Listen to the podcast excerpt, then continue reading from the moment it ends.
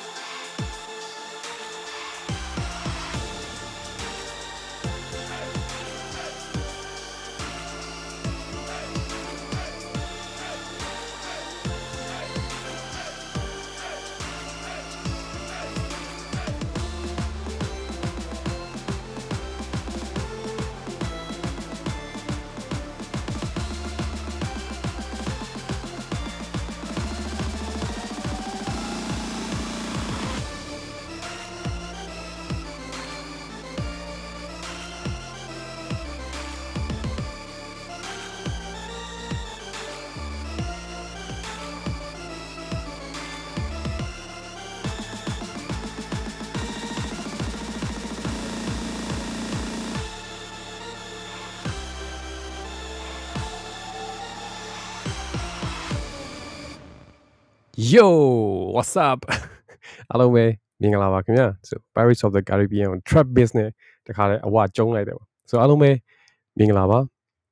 မင်္ဂလာပါအားလုံးကိုအရင်ဆုံးမင်္ဂလာပါလို့နှုတ်ဆက်ပြစီဗျ so ဒီနေ့မှဝင်လာပြီးတော့ဒီအခန်းကိုဝင် join ဘူးတယ်ကျွန်တော်တို့စကားပြောတာပထမဆုံးအကြိမ်နဲ့ကြားဘူးတဲ့လူတွေပါခဲ့မယ်ဆိုလို့ရှိရင်ကျွန်တော်နာမည်ကတော့လာပြီပါခင်ဗျာ so clubhouse မှာနားထောင်တဲ့လူတွေအကျိုးရှိမဲ့အခန်းလေးတွေကိုပြုလုပ်ပေးနေတဲ့လူတယောက်လို့ဆိုလို့ရှိရင်လည်းမမှားပါဘူး so ဒီနေ့အခန်းလေးကိုစလိုက်ကြအောင်မင်္ဂလာပါကိုနာစောကိုနာစောလည်းမိတ်ဆက်ပေးပါဦးခင်ဗျဟုတ်မင်္ဂလာပါကိုလာပြည့်ဟုတ်အာကျွန်တော်နာမည်တော့ဝနာစောပါအာကျွန်တော်ကျွန်တော်လည်းဒီဇိုင်နာတယောက်ပေါ့နော်ဒီ club house မှာကိုလာပြည့်နဲ့ပေါင်းပြီးတော့ကျွန်တော်တို့အာအဆင်ပြေမဲ့ room တွေအကျိုးရှိမဲ့ room တွေကျွန်တော်တို့လုပ်ပေးလာတာတစ်နှစ်ကျော်သွားပြီပေါ့နော်အဲ့တော့ညာဒီနေ့ဒီနေ့ည topic ကလည်းကျွန်တော်တို့ဒီကိုကိုလာပြည့်နဲ့ကျွန်တော်နဲ့တည့်ရတယောက်ကအာ request လုပ်ထားတဲ့ပုံစံလေးကိုသိရပါတယ်ပြီးတော့ အဲဒီ topic နဲ့ပတ်သက်ပြီးကျွန်တော်တို့ပုံမှန်အားဖြင့်ဆိုလို့ရှိရင်အပြင်မှာကအခချင်းငွေယူပြီးတော့အာလုပ်ပေးတဲ့ပုံစံမျိုးတွေပေါ့နော်ဆိုတော့ like today is going to be uh awesome and also like it's going to be free so yeah အဲတယောက်နဲ့တယောက်နဲ့ landing လုပ်လုပ်လုပ်ကြည့်ကြအောင်ပေါ့ကျွန်တော်လည်းကိုလာပြည့်ရှီကနေအာ landing လုပ်ချင်တာလေးအများကြီးရှိပါတယ်ပြီးတော့အကယ်၍များဒီထဲမှာအာဒီ digital ဘိုင်းတွေ social media ဘိုင်းတွေနဲ့ပတ်သက်ပြီးတော့အကယ်၍ experience ရှိတဲ့လူတွေ အာဝင်ပြီး sharing လုပ်ချင်တယ်ဆိုလဲအာလက်ထောင်လိုက်ပါဖိတ်ခေါ်ပါတယ်ခင်ဗျဟုတ်ကဲ့ပါမင်္ဂလာပါကိုလာပြဟုတ်ကဲ့ပါ so we going to be pirates tonight ပါကျွန်တော်တို့ဒီတော့ pirates တွေလုပ်ပြီးပါမယ် so ပင်လေဓမြတွေရော so ကြံတန်းတဲ့ပင်လေပြင်းကြီးကိုဘယ်လိုဖြတ်တန်းလဲဆိုတဲ့အကြောင်းတွေကိုပြောပြမှာပါဒီထဲမှာ blue ocean strategy တို့ပါတော့ကြားဘူးတဲ့လူတွေများရှိလားဗျဆိုရှိတယ်ဆိုလို့ရှိရင်ကျွန်တော် room chat ထဲမှာ so blue ocean strategy အကြောင်းသိပါတယ်ဆိုလို့ရှိရင် သိတဲ့အကြောင်းလေး yes i know ပေါ့ဆိုအဲ့လိုမျိုးလေးဖြည့်ပြီးပါ blue ocean strategy ဆိုတာကိုကြားဘူးကြလားခင်ဗျဆိုကြားဘူးတဲ့လူတွေရှိတယ်ဆိုလို့ရှိရင် room chat ထဲမှာဆိုကြားဘူးပါတယ်မကြားဘူးသေးလို့ရှိရင်လည်း so ဒါက first time hearing ဆိုလို့ရှိရင်လည်း it's okay welcome ပါတကယ်လို့များကိုက digital social media ပေါ်မှာကိုယ့်ရဲ့ personal brand ကိုတည်ဆောက်ပြီးတော့ business တွေကိုတည်ဆောက်ပြီးတော့အလုပ်တွေလုပ်လာတော့မယ်ဆိုလို့ရှိရင် ဒီနေ့ room လေးကအရန်ကောင်းတဲ့ room လေးတစ်ခုလို့ပြောပြစီကိုယ့်ရဲ့တငယ်ချင်းမိတ်ဆွေတွေအတိတွေထဲမှာ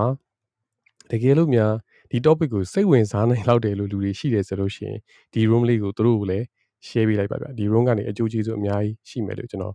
ယုံကြည်ပါတယ် so ဒီနေ့အခန်းလေးကိုလုပ်ပြတာတော့ကျွန်တော်တို့ကိုအမြဲတမ်းနားထောင်နေတဲ့ညီမတယောက်ကနေပြီးတော့ request လုပ်ထားတာပါသူကဘာပြောထားလဲဆိုလို့ရှိရင်သူက marketing fee တွေကတော့မဟုတ်ပါဘူးဒါပေမဲ့ ကျွန်တော်တို့အခန်းလေးကိုနားထောင်နားထောင်နေသူခေါင်းထဲမှာပေါ်လာတာတခုရှိရပေါ့အဲ့ဒါဘာလဲဆိုလို့ရှိရင်ကျွန်တော်တို့ digital platform တွေကိုတုံးကြတယ်တုံးပြီးတော့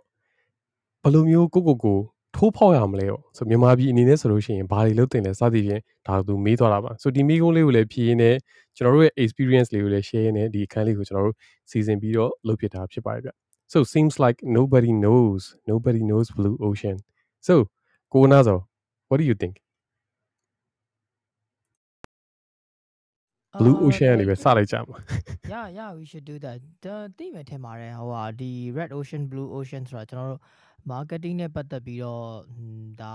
ဒီဟာပဲတစ်ချိန်လုံးသုံးနေကြတာဆိုတော့ကျွန်တော်နည်းနည်းလောက်အောက်က audience ကိုနည်းနည်းလေးသွေးပူအောင်နည်းနည်းလေးအချိန်ပေးလိုက်ပါ audience ကသွေးသိမ့်မပူသေးဘူးတဲ့ yeah so ပုံမှန်လင်းလင်းနဲ့အတူဆုံးခြုံပြီးတော့ပြောရမယ်ဆိုလို့ရှိရင်တော့အခု clubhouse ဆိုတဲ့ digital platform ကလည်း ပြောလို့ရှိရင် digital platform အသစ်တစ်ခုပေါ့ပြောလို့ရှိရင်ဒီကောင်က blue ocean သူကအပြိုင်ဆိုင်များတဲ့အာ noise area တွေဆိုလို့ရှိရင် red ocean လို့ marketing တွေမှာသုံးကြတယ်အမြက်လည်းနည်းတယ်အပြိုင်ဆိုင်လည်းများတယ်ပေါ့နော်ဆိုတော့အဲ့လိုမျိုး area တွေဆိုလို့ရှိရင် red ocean လို့ခေါ်ပါတယ်အခုလိုမျိုး noise တွေကနည်းပြီးတော့ဆို clubhouse ပေါ်မှာစကားတလူမျိုးပြောတယ်လို့ ကျွန်တော်လည်းကိုဝနာဆိုနေနှစ်ယောက်ပဲရှိတယ်ဆိုလို့ရှိရင်ဘယ်သူမှမပြိုင်ဘူးဆိုတော့ that's that's called blue ocean ပေါ့နော်ဆိုဒီမှာဘယ်သူမှမရှိဘူး competition ဆိုတာကိုမရှိတော့တဲ့နေရာမှာရှိတယ်ကျွန်တော်တို့ရဲ့ဒီမှာလာတိုင်းလို့ရတဲ့ value လည်းဘာနဲ့မှလာပြီးတိုင်းလို့မရဘူးဆိုတော့အဲ့လိုမျိုးဟာတွေဆိုလို့ရှိရင်တော့ကျွန်တော်တို့ blue ocean လို့ခေါ်ပါတယ်ဆိုဒီလို blue ocean မှာကောင်းတဲ့အချက်တွေရှိသလိုဆိုးတဲ့အချက်တွေလည်းအများကြီးရှိတယ်အထူးသဖြင့်ဒီလိုမျိုးလူလုံးဝမသိသေးတဲ့လူအများကြီးမသုံးတဲ့ audience အများကြီးမရှိတဲ့ platform မှာကိုကိုကိုတီးဆောက်ဖို့ဆိုလို့ရှိရင် ကိုယ့်ရဲ့ personal branding ကိုယ့်ရဲ့ business အာ branding တွေကိုတီးဆောက်မယ်ဆိုလို့ရှိရင်စိုးတဲ့ချက်တွေလည်းအများကြီးအများကြီးအများကြီးရှိအဓိကတော့လူမရှိတော့ဘသူ့ကိုတော့ပြောမလဲပေါ့နော်ဆိုပထမအောင်ဆုံးစဉ်းစားစရာအဲ့တခုရင်စဖြစ်တယ်နောက်တစ်ခုကဘာတွေကိုလူတွေကစိတ်ဝင်စားမှန်းလဲကိုမသိရအောင်ဆိုဒါတွေကစိုးတဲ့အချက်တွေပေါ့အကြီးမားဆုံးစိုးတဲ့အချက်တွေပေါ့ကောင်းတဲ့ချက်တွေကဘာတွေရှိလဲဆိုလို့ရှိရင် blue competition မှမရှိတဲ့အတွက်ကိုလိုချင်တဲ့ပုံစံကိုသွားချင်တဲ့ style တိုင်းကိုက shape လုပ်လို့ရတယ်ပေါ့နော်ဆို ဘယ်လိုမျိုးလဲဆိုလို့ရှိရင်အခုလိုမျိုးစကားမပြောခင်တချင်းရင်ဖွင့်တာတို့ဆိုအဲပြောချင်လို့ရှိရင်လက်ထောင်လိုက်ပါတို့နောက်ဆုံး stage ပေါ်ရောက်နေတရားနဲ့ထောက်ခံလို့ရှိရင် mic လေးကို flash off လုပ်ပြီးတယ်ပေါ့ flash off ဆိုတာပိတ်လိုက်ဖွင့်လိုက်လုပ်တယ်စသည်ဖြင့်ဒီ trend တွေရဆိုကျွန်တော်တို့ကိုယ်တိုင်တိဆောက်လို့ရတယ်ပေါ့ဆိုအဲ့တော့လူတွေရဲ့ mind ထဲမှာဘာဖြစ်လာလဲဆိုတော့နောက်ဆုံး club house ကိုရောက်လာလို့ရှိရင်စကားပြောမယ်ဆိုလို့ရှိရင်တချင်းရင်ဖွင့်ရတယ်တချင်းမဖွင့်တဲ့ငါတို့အာစကားပြောတာတိတ်အဆင်မပြေဘူးလို့ထင်လာစေတဲ့အထိအာ ကိုကျွန်တော်တို့ဒီလို brand တွေကိုတိဆောက်လာလို့ရတယ်ပေါ့နော်ဆိုအဲ့ဒါလေးကဒါနမူနာအနေနဲ့ပြောပြပေးတာပါဒါကတော့ red ocean နဲ့ blue ocean ရဲ့အကျဉ်းဆုံးခြုံပြီးတော့ပြောတယ်နီးပါတော့ဆိုကိုမြတ်မင်းဆိုတော့မိထားတာလူကြက်နေရလား red ocean လူနောက်လိုက်နေတာလေ yes yes yes red ocean ဆိုတာတော့ပြိုင်ဘက်အရန်များတယ်အမျက်နဲတယ်ပေါ့နော်ဆိုအဲ့ဒီဘိုင်းတွေကိုလည်းကျွန်တော်တို့အများကြီးအများကြီးနောက်ပိုင်းကြလို့ရှိရင်ဆွေးနွေးပါမယ်ဆိုကိုနာဆိုရဲ့ red ocean နဲ့ blue ocean လေးကိုလည်းငင်းငယ်တော့ရှင်းပြပြပါဦးဗျ ရာဒီဒီအာ red ocean blue ocean theory စပြီးတော့ဖြစ်ကြတဲ့ကောဒါ marketing 101တို့ဘာတို့ညာတို့ဆိုတာတောက်လျှောက်ထွက်လာတာပေါ့နော်အဲ့ဒီနောက်မှာအာကလေးပြောရတဲ့ဒါတော့ basic definition ပဲမှန်တယ်ကျွန်တော်တို့ကအာရှိပြီးသား mass market ကဒါ red ocean ဖြစ်သွားတာပေါ့နော်အရန်ကို saturated ဖြစ်တယ်လို့ခေါ်တာပေါ့ကျွန်တော်တို့ဟိုပုံမှန်ရှိနေကြဟာ mass market တွေအခုဘာတွေထုတ်နေကြအဲ့ထုတ်တယ်ဥမာအင်ကြီးဆိုတော့ t-shirt ထုတ်တယ်ဆိုဒါ red ocean ပေါ့ t-shirt ထဲမှာမှ ခုနပြောလို့တခြားတခြားတခြားဘလို့ပုံစံတွေထပ်ထုတ်တာမျိုးရှိသေးတယ်ဆိုပြီးတော့ like အဲ့လို blue ocean ထပ်ရှာအမျိုးကြီးတွေလုပ်လို့ရအဓိကတော့ niche market ပေါ့နော် niche market ပေါ်မှာကျွန်တော်တို့က base ယူပြီးတော့အာ blue ocean strategy ကိုစပြီးတော့ဆွဲတာပေါ့ဆိုတော့ blue ocean strategy မှာလုပ်လို့ရတဲ့ဟာတွေတော့အများကြီးပါတယ်ဒါတွေကတော့ marketing ဘိုင်းတော့ပို့ပြီးတော့ဖြစ်သွားမယ်အဲကျွန်တော်တို့ကျွန်တော်တို့ပြောချင်တဲ့ဒီဟာနဲ့လည်းအရင်တွေးဖယ်သွားမှာစိုးတာပေါ့နော်ဒါပေမဲ့သဘောတရားတော့ဒီ blue ocean က အာ innovation ဘက်ကိုပို့ပြီးတော့သူကဥတည်တယ်ကျွန်တော်တို့ဒီအခုအကုန်လုံးထဲမှာမြင်ရအောင်ပြောရမယ်ဆိုလို့ရှိရင်အာ Netflix ကပထမအဆုံး the first blue ocean strategy ကိုသုံးခဲ့တဲ့ company လို့ပြောလို့ရတယ်ဒီအောင်မြင်ခဲ့တဲ့အထဲအထဲမှာပြီးတော့ပထမဆုံးလူသိရှင်ကြပေါ့ဘာလို့ဆိုတော့ Netflix မရှိမရှိခင်မှာအရှိကဒီဗီဒီယိုငှားတာတို့ဘာတို့ငှားတို့အဲ့လိုမျိုးအခြေအနေရှိတဲ့အချိန်မှာ Netflix က digitally available ဖြစ်တဲ့အပိုင်းကိုသူကစပြီးတော့ထွင်ခဲ့အဲ့ချိန်မှာ digitally ကြည့်ရလူအဲ့လိုမျိုးရှိရလူဆိုတာဘူးမှမရှိ like he's the first one ပေါ့နော်အဲ့လိုမျိုးဖြစ် first one အနေနဲ့အောင်မြင်ခဲ့လို့ပြောလို့ရပါဆိုတော့ကောင်းကောင်းကြီးသူကအတုံးချနိုင်ခဲ့တာပေါ့အဲဒါကြောင့် Netflix ကစပြီးတော့သူ့ရဲ့ခုနကိုလာပြီပြောသလိုပဲလမ်းစဉ်တွေကိုအရင်ဆုံးအရှိရဖောက်ခဲ့တာမှဘယ်လိုမျိုးကြီးစကြည့်မယ်ဘယ်ဟာတွေတော့ပါမယ်အဲ generate တွေဘယ်လိုမျိုးထားမယ်အဲ့ဒီနောက်မှာမှခုနအခုလိုက်လာတဲ့ဒီ Apple တွေ Disney Plus တွေဘာတွေညာတွေကအဲ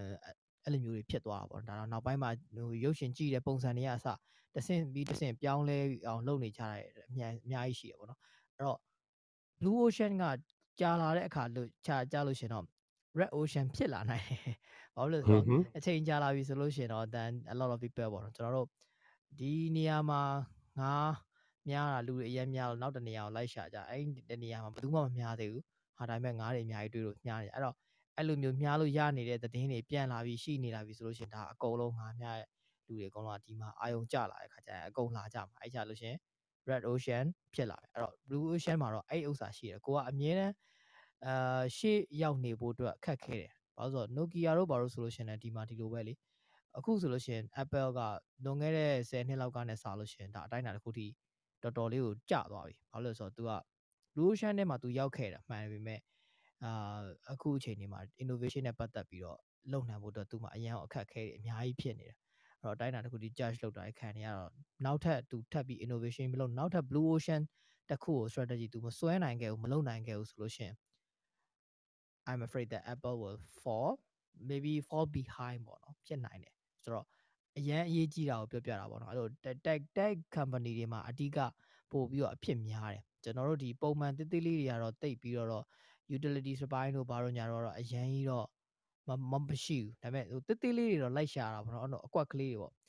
အဲဘလို့ဘလို့ရောင်းမလဲဥမာကျွန်တော်တို့ဥမာငပိရေရောင်းတယ်မလားငပိရေဟိုပစုံနေအကြီးထည့်ပြီးရောင်းလိုက်တာ blue ocean တကူထပ်လုပ်လိုက်တာ something yeah. like that ပေါ့နော် simple simple terms နဲ့ရှင်းပြလို့ရှိရင်ဟုတ်ကဲ့ပါကိုလာပြီ so ကိုဝနာဆိုရှင်းပြပြီးကျေးဇူးအများကြီးတင်ပါဒီထဲမှာမေးထားလူတယောက်လို့ရှိတယ်ကိုမြမင်းဆိုအစ်စ်ထွင်တယ်မှာ blue ocean လာတယ် so အသစ်ထွင်တယ်လို့တော့ကျွန်တော်ကမပြောချင်ဘူးပေါ့နော်ဘာကြောင့်လဲဆိုတော့အသစ်ဆိုတာဟာအမှန်တမ်းပြောလို့ရှိရင်ရှားပါတယ် so apple apple က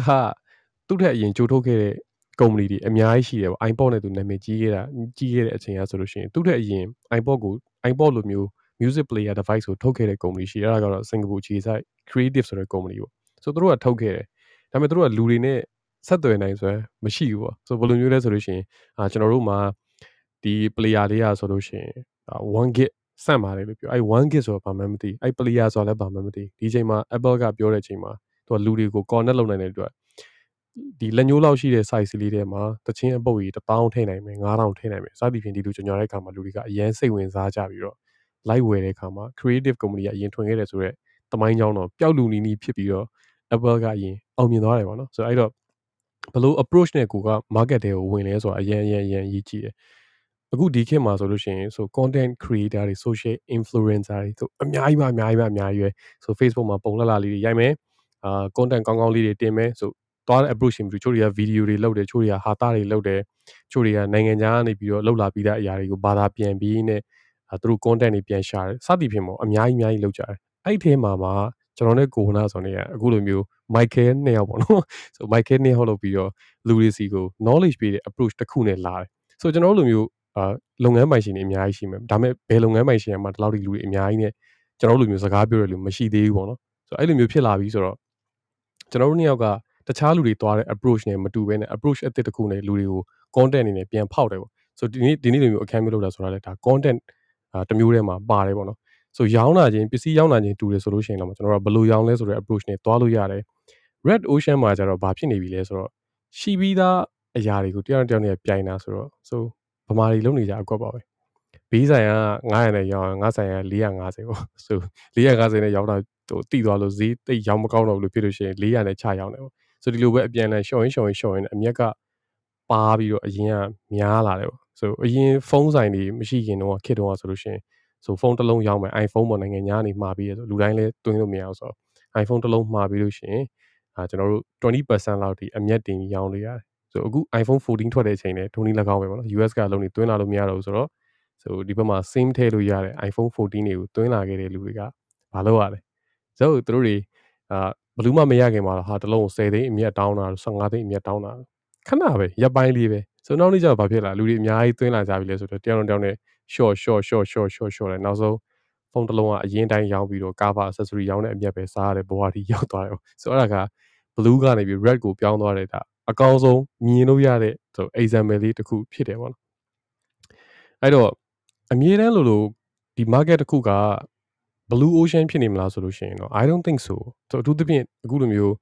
အာ ID တွေကအရန်တိုးတက်လာတယ်လူတွေကနီးပညာတွေကျွဲဝလာတယ် information တွေကရှားတာအရန်လွယ်လာတယ်ပေါ့ဆိုလူတိုင်း access လုပ်လို့ရတဲ့ information တွေကများလာပြီဆိုတဲ့အတွက်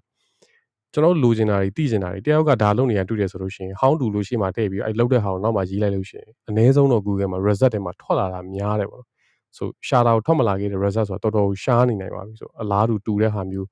အဲကိုရှာတဲ့ဟာနဲ့ခက်ဆင်ဆင်ဟာလေးတွေတော့အနည်းဆုံးထွက်လာပြီးရဆိုလူတိုင်းကတခုခု copy လုပ်ဖို့ဆိုတာလွယ်လာတယ်ခုနကကိုနာဆို Apple အကြောင်းပြောသွားတယ်ဆိုအရင်စိတ်ဝင်စားတယ်ကျွန်တော်လည်း Apple fan ပါဒါပေမဲ့ Apple ကနောက်ကျနေပြီလို့တော့ပြောလို့ရတယ်။ဘာကြောင့်လဲဆိုတော့သူအသစ်အသစ်အစ်တွေကိုသူထပ်မလုပ်တော့ရှိပြီးသားဟာတွေကိုပဲ reuse လုပ်နေတာများတယ်ပေါ့နော်။သူ့မှာဘာပဲအားတာနေလဲဆိုလို့ရှိရင် software နဲ့ hardware နဲ့ integration လုပ်တဲ့နည်းပညာကိုသူတို့ research and development အရင်ကောင်းတယ်။ဆိုအဲ့ဒါလေးကောင်းနေလို့ဆိုတာခံနေတာတခြား hardware နဲ့ပတ်သက်တဲ့အရာတွေကတခြားလူတွေကအများကြီး innovate လုပ်နိုင်တယ်ပေါ့။ဒီဒီ iPhone ကရှိတဲ့ form factor တွေကနေမထွက်လာဘူး။အသစ်မလုပ်နိုင်ဘူး innovate ထပ်မဖြစ်လာတော့ဘူး။ဒီတနေရာမှာနည်းနည်းရက်နေတာများနေရောနော်။ သူများတွေဒီလိုမျိုးအာ pen screen နဲ့ဒီ screen ပေါ်မှာ camera တွေဘာတွေပါပြီးသား sensor တွေပါပြီးသားဆိုထွက်လာခဲ့တချို့တွေဆို camera မမြင်ရတော့ဘူးပေါ့နော်အကုန်လုံးမှန်အပြည့်ဖြစ်နေ screen အောက်မှာရောက်နေတဲ့ camera တွေပဲတောင်ရနေကြပြီဆို iPhone ID ပြစ်မလာသေးဘူးဘာကြောင့်လဲဆိုတော့တို့ကအရင် ready ဖြစ်မှလောက်တာဖြစ်တဲ့အတွက်ဒါတွေကိုထောက်မပေးသေးအောင်ဆိုတော့တဖြည်းဖြည်းနဲ့တော့နောက်ကောက်ကြပြီးကျန်လာပြီဆိုဒါလေးကိုရှင်းပြပေးရလဲကျေးဇူးအများကြီးအများကြီးအများကြီးတင်ပါတယ်ဗျ so အဲ့တော့ကျွန်တော်တို့ blue ocean market တွေကိုဘယ်လိုရှာရအောင်လဲကိုဝနာဆိုဆိုလို့ရှိရင်ရောကိုယ့်ရဲ့ business တွေမှာဆိုလို့ရှိရင် blue ocean market ကိုဘယ်လိုရှာလဲဗျအာ blue ocean market ရှာဖို့ကအာအတိုင်းအတာတစ်ခုထိအမ် strategy အများကြီးလိုတယ်ကျွန်တော်တို့ကကျွန်တော်လောလောဆယ် analogy တစ်ခုပေးပေးပါကျွန်တော်စဉ်းစားနေတာပေါ့နော်ကိုလာပြေဒီလိုမေးကိုလည်းမေးတာမေးတော့မသိတော့ဒီလိုဖြေကြရဘယ်လိုတော့ကိုကိုရတော့တကယ်လောက်ခဲ့တဲ့အတိုင်းအတာတစ်ခုရှိရဒါပေမဲ့ analogy နဲ့ပြန်ရှင်းပြတာခုနပြောလို့ပဲကျွန်တော်တို့ဒီအာ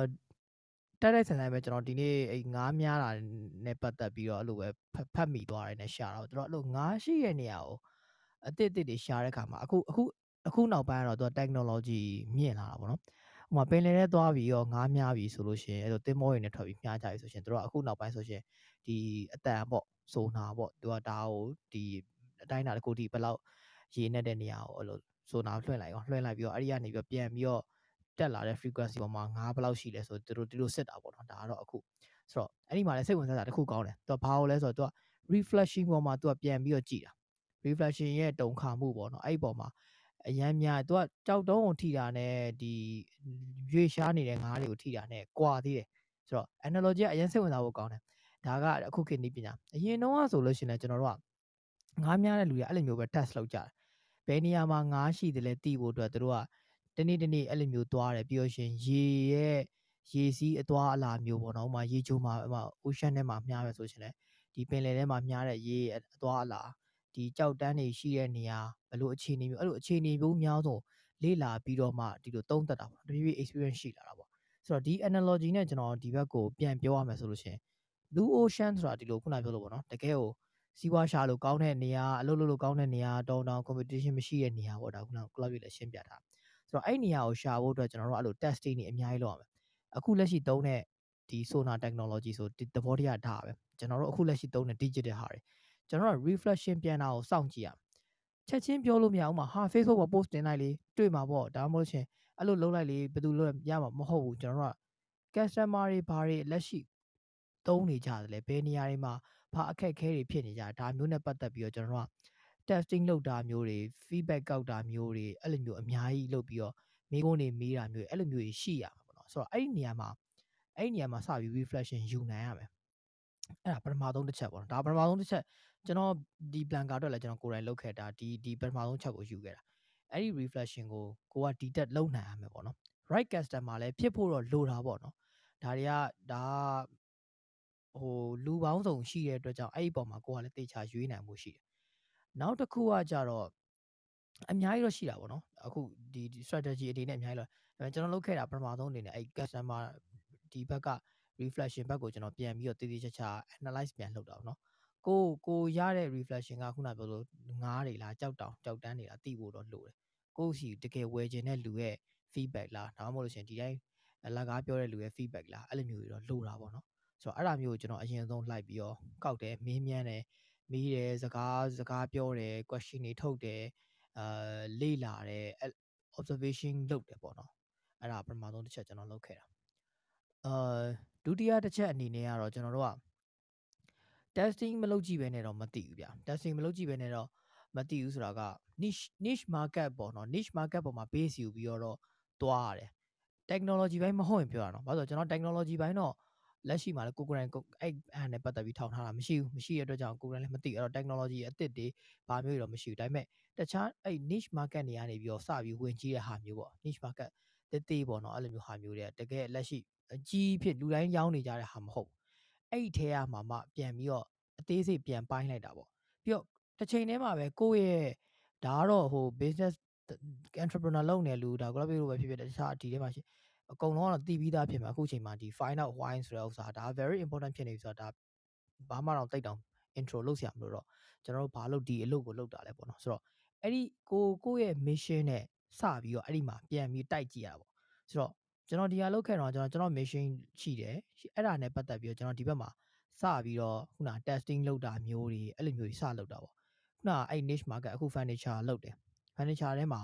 furniture ဆိုတာဒါလုံးဝဒါ red ocean ပဲဒါတကယ်ကို mass market နေရာတိုင်းမှာထုတ်နေလုပ်တယ်ဒါပေမဲ့အဲ့လိုမျိုးဒီအဲ့လို niche ထဲကနေပြီးတော့ blue ocean strategy သုံးပြီးထွက်လာတဲ့ furniture ဟာတွေကျွန်တော်လိုက်ပြီးတော့လေ့လာအောင်ပါ IKEA တို့ဘာတို့ပေါ့နော်သူတို့ဆိုလို့ရှင်လေဒါရှင်းရှင်းလေး तू က furniture သွားဝယ်တယ်သွားဝယ်တော့အဲ့ furniture ကြီးကို तू အဲ့မြို့ကနေတခြားသူ့မြို့ရှိပြန်ပြီးတော့သူ့ကားနဲ့ဘလို့မှတည်လာလို့အဆင်မပြေဘူးအဆင်မပြေတော့သူ့မှာတစ်ခုချင်းစီဟိုဖြုတ်ဖြုတ်ပြီးတော့ပြန်တက်ပါညာလှုပ်လှုပ်ရတာအရင်ခက်ခဲ အဲ့ဒီပုံမှာ तू ကစပြီးတော့အာဖြုတ်လို့တက်လို့ရတဲ့ဟာမျိုးကို तू စတာပေါ့နော်ဒါဒါ IKEA ရဲ့အစပဲပေါ့နော်ဖြုတ်လို့တက်ရဒါစတယ်ဒါပေမဲ့အဲ့ဒီသူ့ရဲ့ frustration ပေါ့နော်အဲ့ဒီ frustration နဲ့ဒီလိုမျိုးဟာတွေရောတခြားလူတွေကြုံနေရလားကြုံနေရတဲ့ဥစ္စာကိုရောဘသူတွေကဖြည့်ရှင်းနေတာတွေရှိတယ်လေပေါ့အဲအဲ့ဒါတွေကိုစပြီးတော့လေ့လာတာအဲ့ဒါတွေကိုစပြီးတော့လေ့လာတဲ့အခါမှာသူတွေးတာအော်โอเคဒီလိုတော့လုပ်ထားတာမရှိဘူးဒီလိုတော့လုပ်ထားတာရှိတယ်အဲ့လိုမျိုးကျွန်တော် IKEA မှာလုပ်လုပ်ခဲ့ပူတယ်ဒီ furniture တစ်ခုစပြီးတော့ထုတ်ဖို့အတွက်သူတို့လုပ်တဲ့အဲ့ test လုပ်တဲ့သွားတဲ့အခါမှာ furniture တိုင်း furniture တိုင်းကိုသူတို့ကခုနပြောလို့ promotion strategy ရအောင်တုံးတယ်ဒီ furniture တစ်ခုကိုလုပ်တဲ့အခါမှာသူသူ့ရဲ့ဒါကိုအများကြီးထုတ်တဲ့ပုံစံဒီလိုမျိုးထုတ်တယ်ဒါထက်ပိုလွယ်အောင်ဒါထက်ပိုပြီးအသုံးပြုလို့ရအောင်ဒါထက်ပိုပြီး aesthetically pleasing ဖြစ်အောင်ဘယ်လိုမျိုးတွေလုပ်တာမျိုးတွေရှိသေးတယ်လဲဆိုတော့အဲ့လို niche လေးလို့နည်းနည်းဖြည်းဖြည်းဖြည်းဖြည်းလိုက်လိုက်ရှာအဲ့တော့ innovation ကအဲ့မှာအဓိကပဲဆိုတော့ခုနကကျွန်တော်ဒုတိယတစ်ချက်လုပ်တဲ့ဥစ္စာ innovate လုပ်တာအဲ့တော့ innovate အရန်အရန်လုပ်တယ်အမြဲတမ်းအမြဲတမ်းအခုချိန်ကြီးကျွန်တော်ဇက်တိုက်လုပ်တာအမြဲတမ်းအမြဲတမ်းတွေ့တယ်ဘယ်ဟာနဲ့ဘယ်ဟာနဲ့ပေါင်းဘာကြီးလုပ်မယ်ဘယ်နေရာမှာဘယ်လိုသုံးမလဲလုံးဝ basic basic ကအစအစပြီးတော့တင်ပြီးတော့ကျွန်တော်ဟိုတနေ့ကတော့ပြောလိုက်ပါသေးတယ် room ထဲမှာကျွန်တော်တခုခုလုပ်ချင်တယ်ဆိုရင်တကယ် basic ကိုသိမှရမယ်ဆိုတော့အဲ့လိုမျိုးလုပ်ဖို့အတွက်ခုနပြောလို့ပေါ့ကျွန်တော်တကယ် basic ကိုစပြီးတော့လုပ်ရ furniture company run ဖို့အတွက်ကျွန်တော် furniture မှာပြောနေ စပြီးတော့ဒီတစ်တစ်ချောင်းနဲ့တစ်တစ်ချောင်းနဲ့ကို corner တောင်ကျိုးဆက်မယ်ဆိုရင်ဘလို့စပြီးတော့ဆက်တယ်လဲဆိုတော့ကိုယ်တိုင်စပြီးလုပ်တဲ့အဆင့်ထိကို basically သွားတယ်တစ်ပေါင်းမျိုးစားတွေမှာမှဘယ်တစ်တွေကဘယ်လိုမျိုးတွေရှိတာလဲဘယ်လောက်ခံနိုင်ရည်ရှိတာလဲ moisture တွေကိုဘယ်လိုတိုင်းတာလဲဒီဟာတွေပိုးဆိုင်ရင်ဘယ်လိုလုပ်တာလဲအများအများဒါတစ်အကျန်းတယ်ပဲရှိသေးတယ်အဲ့ဒီအချိန်မှာဒီအကျော်ဆိုရင်ဘာဖြစ်တာလဲဆိုတော့ basic ကစပြီးတော့ကျွန်တော်စလေ့လာအဲ့ဒီပုံမှာ innovation တွေအဲ့ဒါမှကျွန်တော် innovation အမြင်နဲ့လုပ်နိုင်ပါဆိုတော့ အဲ့ဒီခုန niche market ကိုရှာတယ်ရှာပြီးအဲ့ဒီပုံမှာ innovation လုပ်ဖို့အတွက်ဇက်တိုက်ဇက်တိုက်ဇက်တိုက်စူးစမ်းအမြဲတမ်းစူးစမ်းနေ့တိုင်းစူးစမ်းအချိန်တိုင်းစူးစမ်းကိုတယောက်တည်းမဟုတ်ကို team တစ်ခုလုံးကိုပါအဲ့လိုမျိုးလုံနိုင်အောင်လို့လုပ်ခိုင်းတယ်ဥပမာဆိုပါတော့ကျွန်တော်တို့အာပုံမှန်အန်ဆွဲလုပ်တဲ့အခါကြလို့ရှင်အန်ဆွဲပုံကို4000ဒီဇိုင်းလေးပဲရိုက်လိုက်တယ်ကျွန်တော်တို့အဲ့လိုမဟုတ် aesthetically ဟိုအမြင်ရလဲကြည့်လို့လှအောင်အဲ structure ရလဲခံအောင်လို့ကျွန်တော်တို့အဲ့လို dovetail join ဆိုတာရှိတယ်သူကဟိုလက်နှစ်ခု cross လုပ်ထားတဲ့ပုံစံမျိုးလေးဖြစ်အောင် okay dovetail join ကိုအရင်တော့လက်သမားတွေဘာလို့မလုပ်ကြကြာတာကိုသူတစ်ခုချင်းစီကိုသူစောက်တင်နဲ့လိုက်ထွင်းရဟိုဘက်ကဟိုဘက်ကအနှုတ်ဆိုဒီဘက်ကအပေါင်းပေါ့နော်အဲ့လိုပုံစံလေးလိုက်ထွင်းရတော့ဟိုဘက်ကိုလည်းထွင်းရဒီဘက်ကိုလည်းထွင်းရ okay အဲ့ဒါဆိုလို့ရှိရင်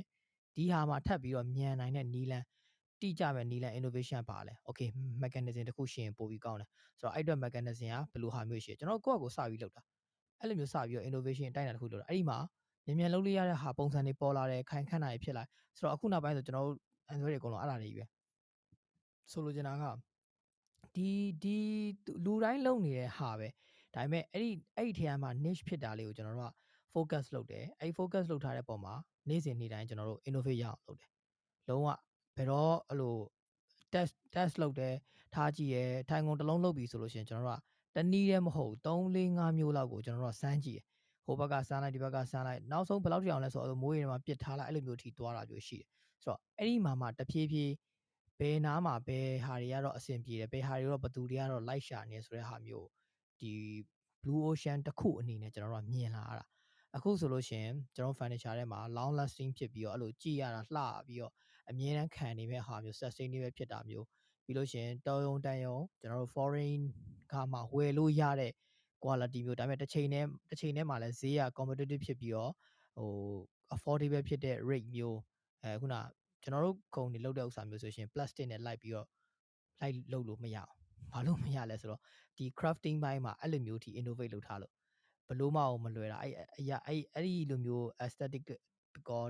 သူ့ရဲ့ character ကို truck ကိုထွက်မလားဆိုတော့ဒါမျိုးတွေပေါ့အဲ့ဒီအဲ့ဒီ niche တဲကိုကျွန်တော်တို့ရအောင်သွားပြီးတော့ဟိုတဖြည်းဖြည်းတဖြည်းဖြည်းလေ့လာတာပေါ့အဲ့တော့ဘလို့ design တွေမှာအဆင်ပြေလာတယ်ဘလို့ဟာတွေကတော့ အဆင်မပြေဘူးဘလို့ဟာတွေမှာမရှိဘူးအဲ့တော့ခုနပြောတဲ့နှစ်ခုပထမဆုံးတစ်ခုကိုကျွန်တော်ပြန်ပြန်ဆွဲရယူတာပေါ့ reflection ပေါ့ကျွန်တော် reflect တစ်ခုခုလုပ်လိုက်တယ်အဲ့ဒီအဲ့ဒီ data တွေအကုန်လုံးကျွန်တော်စစနောက်လုပ်လိုက်တယ်အဲ့ဒီပုံမှာ reflect ပြန်လာတဲ့ပုံမှာကျွန်တော်တို့ပြန်ပြီးတော့ data တွေ analysis လုပ်တာပေါ့ဆိုတော့အဲ့ဒါပထမဆုံး reflection ယူတာဒုတိယတစ်ခုကတော့ innovation နဲ့ပတ်သက်ပြီးတော့အမြဲတမ်းလုပ်တယ် non stop လုပ်တယ်ဆိုတော့ဒီ process နှစ်ခုပေါ်မှာကျွန်တော်စပြီးတော့ဒီ blue ocean strategy ကိုစပြီးလုပ်နေတာအဲ့တော့အတိုင်းအတာတစ်ခုထိ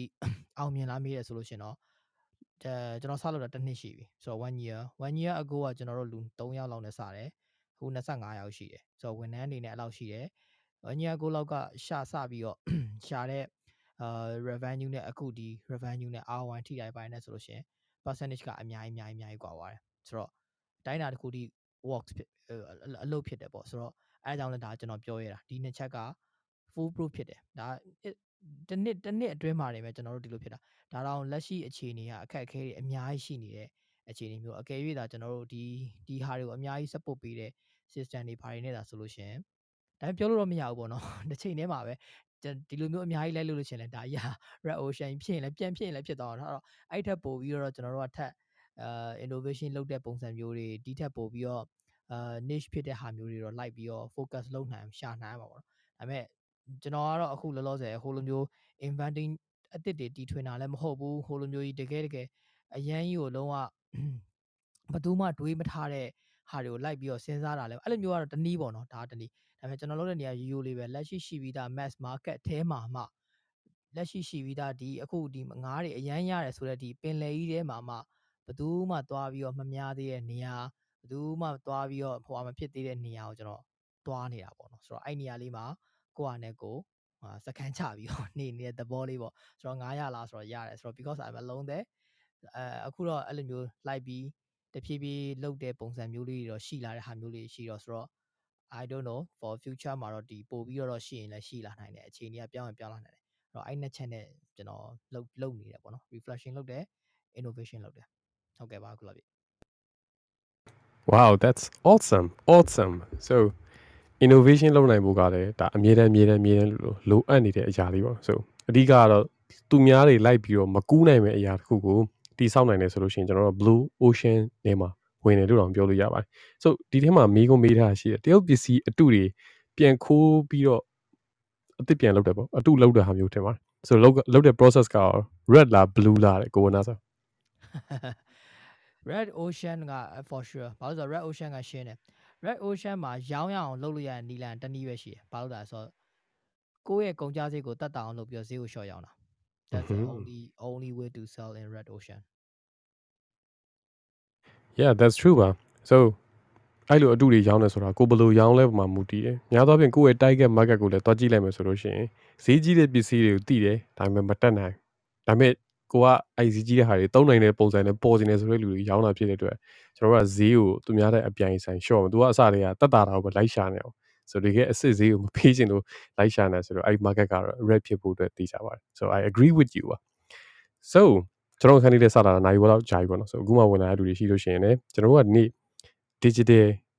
စီးထဲမှာ digital ပင်လယ်ကြီးထဲမှာ digital ပင်လယ်လို့ဘာလို့ပြောလဲဆိုလို့ရှိရင် digital ပေါ်မှာလောကကြီးအရင်ကျေပြီလူတွေလည်းအရင်အများကြီးရှိတာမလို့ ပြောတာပါဆိုခုနကပြောတယ်ကိုနာဆိုပြောတယ်ငါးပန်းတယ်ဆိုတာဆိုကိုယ့်ရဲ့ customer တွေကိုငါးအနေနဲ့ကိုစားပြုပြီးပြောတာပါဆိုပင်နာမှာ customer ကြီးရှိတော့လေပင်နာမှာ interest တွေသူတို့များနေတယ်ပင်နာမှာချက်စားနေကြတယ်ပေါ့ဆိုအဲ့လိုမျိုးအရာတွေကိုကျွန်တော်တို့ထည့်သွင်းပြီးပြောနေတာဆို blue ocean strategy အကြောင်းပြောပြနေတာဖြစ်ပါတယ်ဆိုတကယ်လို့များ blue ocean strategy ကြားဘူးလေဆိုလို့ရှိရင်လည်းဆိုလာပြီးတော့နားထောင်မှာလာပြီးတော့ဆွေးနွေးဖို့လည်းဖိတ်ခေါ်ပါတယ်ဗျ။ so ကျွန်တော်အနေနဲ့ကတော့ blue ocean ရှာမယ်ဆိုလို့ရှိရင်ရှာမယ်ဆိုလို့ရှိရင် လုပ်လို့ရတဲ့အချက်၄ချက်ရှိရဗျ။ရှာကြည့်လို့ရှိရင်လည်း online မှာအများကြီးအများကြီးအများကြီးတွေ့လိမ့်မယ်။ဒါပေမဲ့အဲ့စာအုပ်တွေထဲမှာအဲ့ပုံတွေအဲ့ article တွေထဲမှာကျွန်တော်ပြောသလိုတော့ရှိချင်မှရှိလိမ့်မှာပေါ့နော်။ so လွယ်လွယ်ကူကူမှတ်လို့ရအောင်လို့ပြောရမယ်ဆိုလို့ရှိရင်တော့ဖယ်မြင့် short လို့တဲ့ဆိုအဲ့လေးခုနဲ့လုပ်လို့ရှိရင်ကျွန်တော်တို့ blue ocean အသစ်ကိုရပါတယ် so ဖယ်မြင့် short လို့ဆိုတာဖယ်မြင့်ဆိုရယ်ဘယ်ရွေးရမင်း short လို့လို့ပြောတာမဟုတ်ဘောနော် so တခုချင်းစီမှာအတိပဲရှိပါတယ် so ဖယ်ဆိုတဲ့နေရာမှာကျွန်တော်ကဒီ customer တွေရဲ့ low ချက်တွေမှာသူတို့ရှိနေတဲ့အရာတွေသူတို့အခုဖြစ်နေတဲ့ pain တွေကဘာတွေရှိလဲထားပါတော့အာ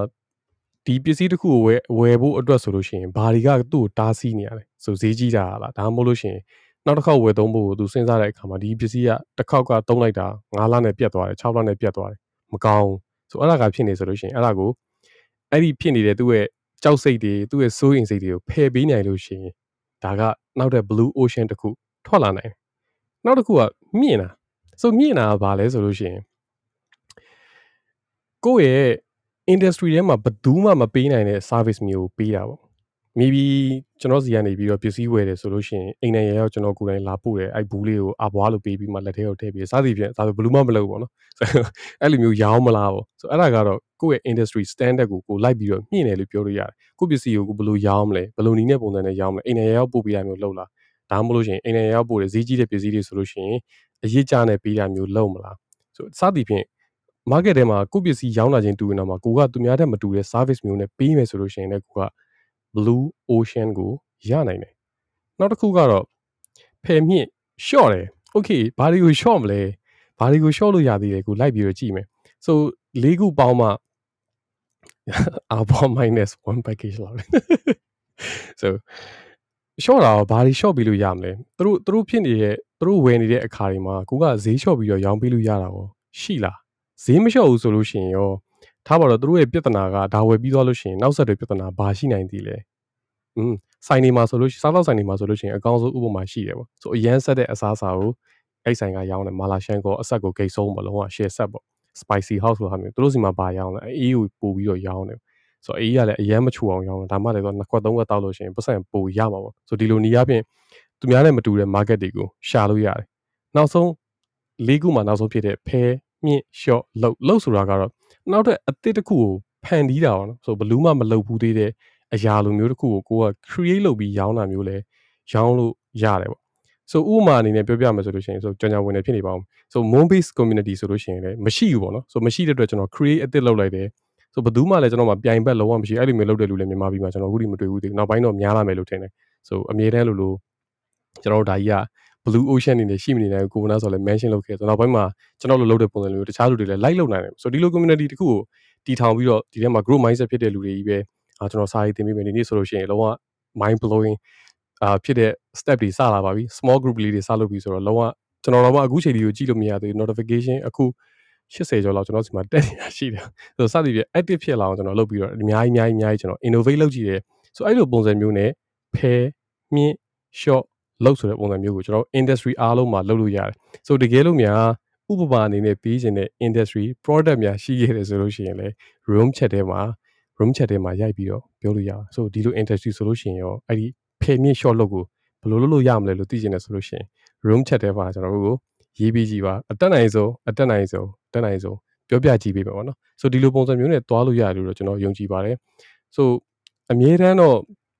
ဘလူးတော့ဖြစ်မနေဘူး ဆိုဘလူးဖြစ်နေဖို့ကတော့ခုနကကိုနာဆိုရှေ့မှာလည်းပြောသွားတယ် innovate အမြဲလုပ်နေဖို့လုံမယ်ပေါ့နော်ဆိုဘလူးဆိုတာကျွန်တော်သွားကြီးနဲ့ဘလူးကိုပြောတာမဟုတ်ဆိုဘလူး ocean အာရနေဖို့အတွက်ဆိုလို့ရှိရင်အမြဲတမ်းလို့လို့ innovate လုပ်နေဖို့လိုပါမယ်ဆိုဒီလို innovate လုပ်ခြင်းရှိမှသာကျွန်တော်တို့ကအမြဲတမ်းအသစ်တစ်တစ်တွေကိုတွေ့နိုင်မယ်လို့ကျွန်တော်ထင်ပါတယ်ဗျဆိုကျွန်တော်ပြောသွားရပုံပါအောင်ကိုနာဆို anything you want to add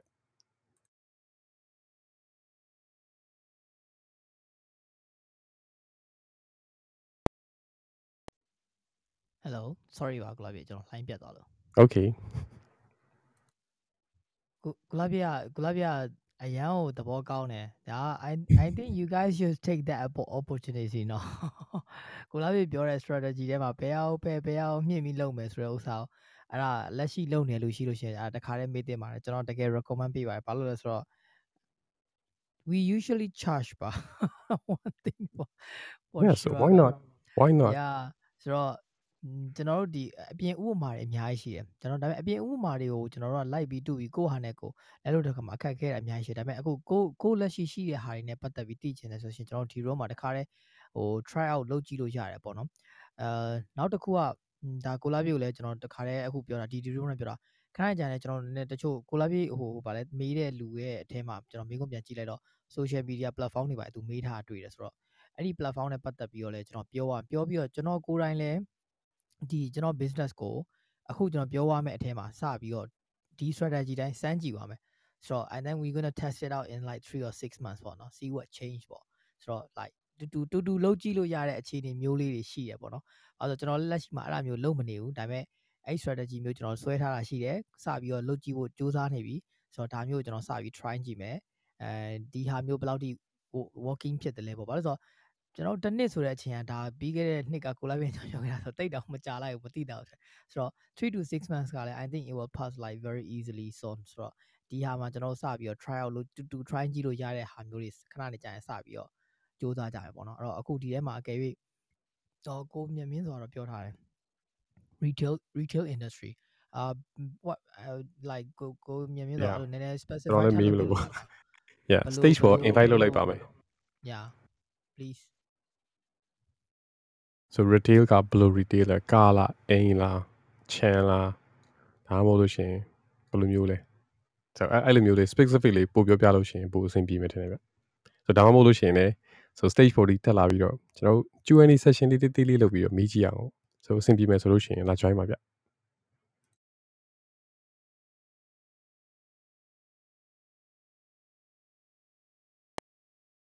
yeah နောက်နောက်တစ်ခုကတော့ကျွန်တော်ကခုနပြောလို့ပေါ့နော် အာနည်းနည်းလေး niche ဖြစ်နိုင်လေပိုကောင်းလေလေပေါ့ oh sorry ရအောင်ရတယ်ကိုကိုမျိုးအပြင်မှာရှိနေကျွန်တော်တို့အဲ retail တွေကတခုခုပေါ့နော်ဘယ်ဟာမျိုးဖြစ်မလဲအဲအဲ့ဒါလေးတစ်ချက်လောက်အဲသိချင်တာလေးပဲဖြစ်ဖြစ်လက်ရှိအခုလုပ်နေတာပဲဖြစ်ပြောကြည့်ကြည့်ပေါ့ like i think this is kind of like very good exercise for both of us too ပေါ့နော်ခုလာပြီးတော့ကျွန်တော် exercise လုပ်လို့ရဒီထဲမှာအာရှိတယ်ဟိုညီမလေးအိမ်ရှိုးတော့ဘာလို့လဲအိတ်အိတ်တွေပါလောက်နေအဝင်မေးချင်တယ်ဆိုလဲတခါမိလိုက်ကိုလာပြည့်ရဲ့တ က်ကိုလာပြည့်စီကနေပြီးတော့ရသွားပြီဆိုလို့ရှိရင် you guys got like gonna be so lucky I'm feeling lucky today တွေပါ building materials စီရောက်လာစောက်လို့ရပစ္စည်း okay စောက်လို့ရပစ္စည်းကို retail ပေးမှာ hmm so အဲ့စောက်လို့ရပစ္စည်း retail ပေးတဲ့နေရာမှာကျွန်တော်ခုနပြောခဲ့တဲ့အတိုင်းဆိုလို့ရှိရင်ဖယ်မြင့် short လောက်ဆိုတာ၄ခုရှိရပါ so ပထမဆုံး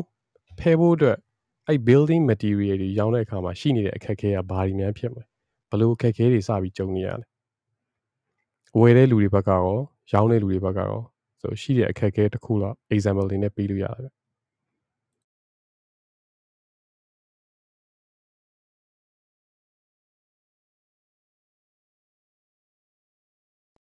ဆိုများသောအားဖြင့်ရောင်းတဲ့လူတွေ building material တွေရောင်းတာဆိုရင်တော့စောက်လို့ရေး company တွေရောင်းမှထင်တယ်ဝင်ပြီးတော့ဂျားတွေကပြောပေးမယ်လေတချို့ဟာတွေ Okay sure why not ဆိုတော့ okay if I like uh ကျွန်တော် designer ဒါမှမဟုတ်လည်းအိမ်ဆောက်မဲ့လူပေါ့ ဝယ်မယ်ဆိုလို့ရှိရင်အာအခက်အခဲကြုံတာဘာတွေရှိနိုင်လဲဆိုလို့ရှိရင်ကျွန်တော်တို့လိုချင်တဲ့ဘာလို့ဆိုတော့များသောအားဖြင့် import သွင်းတာဆိုတော့လိုချင်တဲ့ design မရတာမျိုးလိုချင်တဲ့ဟာမျိုး stock မရှိတာပြီးတော့ဘယ်မှာပြည့်ပြည့်စုံစုံရှာပြီးတော့ဘယ်ဟာကကောင်းလဲဘယ်ဟာကအာအစ်စ်လဲဘယ်ဟာကအတူလဲအဲဈေးရရောတကယ်မှန်တာလားဆိုတဲ့ဥစ္စာမျိုးတွေအဲသိနိုင်ဖို့ခက်ခဲတာပေါ့အဲ့လိုမျိုး Okay so ပထမဆုံးနေရတော့ test လုပ်ကြည့်ချင်တာ။ so ဒီ product တွေရဲ့ material တွေရဲ့ကြမ်းခိုင်တော့အယောင်သွေးတွေကအပြင်မှာဆိုလို့ရှိရင်ရောဘယ်လိုနေလဲ။ so ဒါတွေကဘယ်လောက်ခံမလဲ so ဒါတွေကိုလုပ်ကြည့်ချင်တယ်။ so တခြားအခက်ခဲရောဘာတွေရှိသေးလဲ။ so test လုပ်ကြည့်ရင်တနေရာလေးတော့အကုန်မရနိုင်ဘူးပေါ့။ဘာလို့လဲဆိုတော့စောက်လို့ပစ္စည်းရတယ် paradise မဟုတ်လူတိုင်းလူချင်တဲ့ပစ္စည်းတွေလည်းအများကြီးအများကြီးကွဲနိုင်တယ်ဆိုတော့တခြားအခက်ခဲတွေရောဘာတွေရှိလဲ။တနေရာလေးတော့အကုန်ရဖို့အတွက်တော့မလွယ်နိုင်ဘူးထင်တယ်။ test လုပ်ဖို့အတွက်တော့အဆင်ပြေအောင်လုပ်လို့ရတယ်။ okay ရာတခြားဘာအခက်အခဲရှိနေလဲဆိုတော့ကျွန်တော်တို့က အာစောက်လို့ရေးပစ္စည်းတွေမှာမှာအမျိုးအစားတွေကတော့အများကြီးရှိတာပေါ့နော်အများကြီးရှိတယ်ဆိုတာဟိုစောက်လုပ်တဲ့ပစ္စည်းတွေလည်းရှိတယ်တကယ်စောက်လုပ်ခံတဲ့ပစ္စည်းတွေပေါ့နော်သုံးတယ်လို့ materials မျိုးစုံရှိတယ်အဲ့ဒီဟာတွေနဲ့ပတ်သက်ပြီးတော့ဒီအာ knowledge နဲ့ပတ်သက်တဲ့ knowledge knowledge နဲ့ပတ်သက်တဲ့ knowledge sharing မျိုးတွေဥမာဒီဟာကိုသုံးတဲ့အခါကျရင်ဘာတွေ error တက်နိုင်တယ်လဲဒါမှမဟုတ်လို့ရှိရင်ဘာထပ်သုံးဖို့လိုတယ်လဲဥမာဒီကြမ်းခင်းလိုက်တယ်ဗျာအကောင်းတယ်လို့တော့ခင်းလိုက်တယ်ပြီးတော့ပြီးတော့ အရန်ကိုချောနေတဲ့ကြံကင်းဖြစ်ကောဟောပြဿနာတွေတက်ကောအဲဒီကြမ်းခင်းလိုက်တယ်လောလောဆယ်တော့ကောင်းနေတယ်ဒါပေမဲ့ဘာဖြစ်လဲအဆိုတက်ရှိတယ်ဆိုလို့ရှိရင်ဟိုကြွတက်တဲ့ဟာမျိုး error မျိုးတွေတက်လာတယ်ကြကြမခံဘူးအဲအဲအဲ့လိုဟာမျိုးတွေပေါ့ဆိုတော့ဒါမျိုးတွေကမလုတ်ခင်မှာဘာမှသိမနေဘူးဥမာဒီဈေးတုံးလိုက်တယ်အဲလောလောဆယ်ဆိုတော့အခုဆိုတော်တော်များဈေးတွေပေါ်လာပြီ okay ဒီဈေးတုံးလိုက်တယ်ဒါပေမဲ့ဒီဈေးကအာဟိုအဆိုတက်ရှိရဆိုလို့ရှိရင်အနံ့ထွက်တာမျိုးတွေဒါမှမဟုတ်လို့ရှိရင် အာအယောင်လိုချင်တဲ့ဟာမျိုးတွေမရှိတာဒါနဲ့ပတ်သက်တဲ့အဲ့ knowledge နဲ့ပတ်သက်တဲ့ဟာမျိုးတွေသိဖို့အတွက်အာအခက်အခဲရှိတယ် Okay that's a good one so အဲ့တော့အာ test လုပ်ဖို့လည်းလူတွေကလိုချင်ကြတယ်အဓိကကတော့နောက်တစ်ခုကဘယ်ပစ္စည်းကဘယ်ချိန်ဒီမှာပြတ်နိုင်တယ်လို့ဘယ်ချိန်ဒီမှာကောင်းနိုင်တယ်လို့မသိဘူးဆိုလို့ရှိရင်အဲ့ဒီ fear နဲ့အဲ့ဒီ problem ကို solve လုပ်ဖို့ဆိုလို့ရှိရင်အကောင်းဆုံးနည်းလမ်းကတော့အခုကျွန်တော်တို့ဒီကျွန်တော်တို့က social media နဲ့ပတ်သက်တာတွေပြောနေတာဆိုတော့ digital နဲ့ပတ်သက်တာကိုပဲပြောလိုက်မှာပေါ့နော်ဆိုတော့အဲ့တော့ကိုယ့်ရဲ့ product နဲ့ပတ်သက်တဲ့ဟာတွေကို content အနေနဲ့ create လုပ်ပြီးလူတွေကို educate လုပ်ပြီးလို့ရတယ်။စားပါထားပါတော့ဒီဆေးတစ်ခုကိုတုတ်တော့မယ်ဆိုလို့ရှိရင်ဒီဆေးကဘာကြောင့်သုံးနေလဲဆိုရည်ရည်နဲ့ပတ်ပြတာမျိုးတို့အာတခြားနေရာတွေမှာအစွန်းထင်းမထင်တာမျိုးတို့ဆိုစသည်ဖြင့်သူ TikTok တွေမှာဒါမျိုး trend တွေအများကြီးမှအများကြီးရှိနေပြီပေါ့နော်ဆိုကြွေပြားခင်းမယ်ဆိုလို့ရှိရင်အဲကြွေပြားပေါ်မှာလမ်းလျှောက်ပြတာ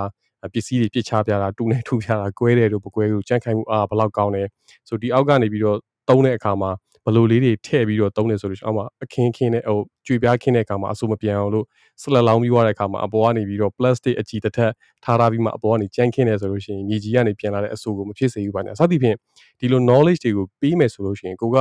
knowledge provider အနေနဲ့လည်းဆို market share ကိုရနိုင်တယ်လို့လိုချင်လို့ပစ္စည်းတွေဝယ်ချင်တယ်ဆိုလို့ရှိရင်အောက်မှာ link တစ်ခါလေးပေးထားပြီးတော့တွားရောင်းတဲ့ strategy မျိုးနဲ့တွားမယ်ဆိုလို့ရှိရင်ဒါဖယ်တဲ့ method နဲ့တောင်မှ blue ocean တခုကိုရှာနိုင်မယ်လို့ထင်တယ်ပေါ့နော်။ဘာကြောင့်လဲဆိုတော့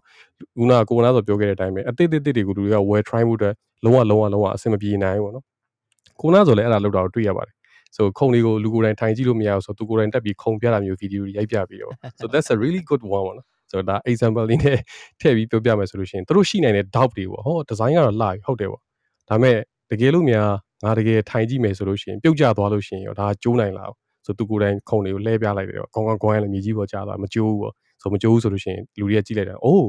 ကြည့်လိုက်ဆိုင်ကဒီလိုလောက်တာတော့မကျိုးဘူးဒီခုံလာဆိုငါဝယ်တင်တယ်ပေါ့ဆိုစသည်ဖြင့်ဒီလိုမျိုးပြန်တွေးလို့ရတဲ့ knowledge ပြီးလို့ရတဲ့ video အခု product ကိုအရင်ကြော်ညာလည်းမဟုတ်ဘဲနဲ့ဆိုတခြားလူတွေရဲ့သူတို့ရဲ့ concern ဖြစ်လာနိုင်တဲ့အရာတွေအားလုံးကိုပြန်ဖြည့်ပြီးနိုင်တဲ့ content မျိုးသာထုတ်နိုင်တယ်ဆိုလို့ရှိရင်ကျွန်တော်တို့ဖယ်တဲ့ stage တစ်ခုအဲ့မှာလည်းတစ်ခါလေးလုပ်ပြီးနိုင်တဲ့အတွက်လူတွေအများကြီးယုံကြည်ပြီးတော့ဝယ်လာကြမယ်လို့ကျွန်တော်ကထင်တယ်ပေါ့နော်ဆိုတော့ဒါက example အနေနဲ့အာ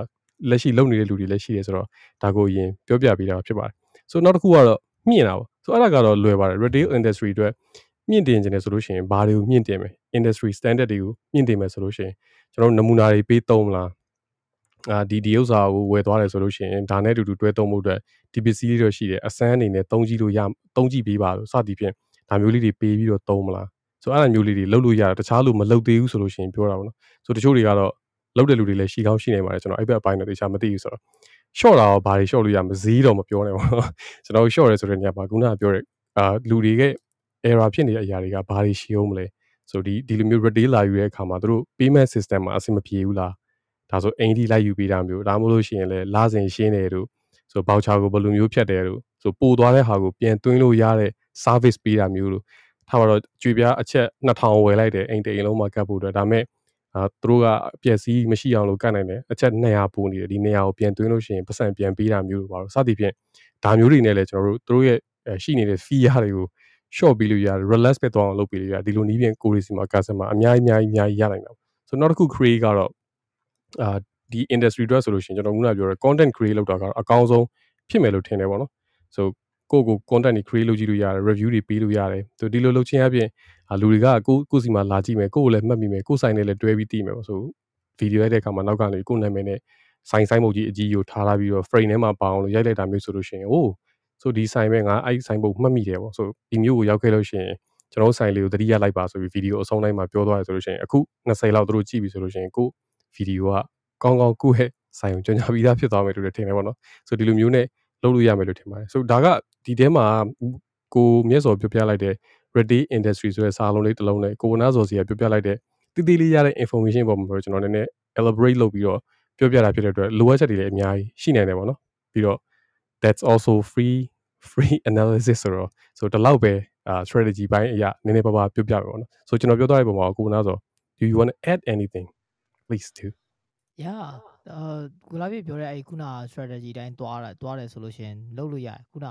အကယ်ကိုပြပြတော့ပဲဖြစ်ဖြစ်တင်းမှာတခြားဖြစ်ဖြစ်ဒီခုန building materials ရောင်းရောင်းမယ်အဲဘသူ့ကိုရောင်းမှာလဲပေါ့နော်ရောင်းတဲ့လူအောင်မှာ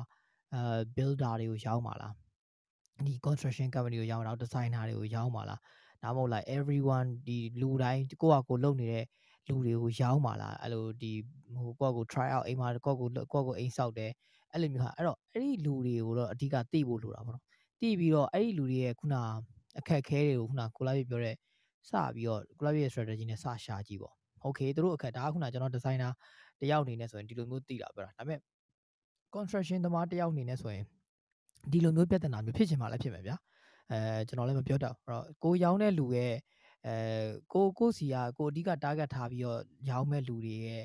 အာ feedback တွေပေါ့နော်ကျွန်တော်ခုနကျွန်တော်ဟာလေးပြန်ထည့်သုံးကြည့်ပါ reflection လေးပြန်လိုဖို့လိုတာပေါ့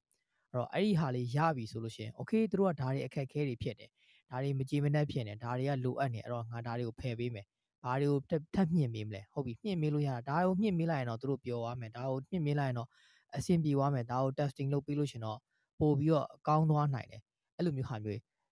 building material ထဲမှာเนาะကျွန်တော်ပြီးဟိုဟာလေးကိုအရန်ကိုတေးသေးချာချာအဲ့လူကတေးသေးချာချာအာ blue ocean strategy ကိုတီးလို့လုတ်သွားတာလားဘာလားတော့မပြောတတ်ဘူးပေါ့နော်ဒါပေမဲ့အောင်မြင်သွားတဲ့ဟာလေးတခုကျွန်တော်ဥပမာအနေနဲ့ပြောမယ်ကိုမြန်မြန်တော့တီးမလားတော့မသိဘူးသူက concrete deco ဆိုတာသူက concrete ပေါ်မှာအဲ့လို paste လုပ်ပြီးပုံလေးတွေဖော်တာလေပုံလေးတွေဖော်ပြီးတော့အဲ့ရောင်းတာပေါ့မို့အဲ့လိုဟာမျိုးတွေဒါပေမဲ့ဒီလူက तू ကဒီဟာကို तू ရောင်းမယ်ဆိုလို့ရှိရင်ကျင်းတည်တယ် तू အခုရောင်းပြီဒါ तू ကပထမဆုံးတော်တော်များများ तू ကအာလီ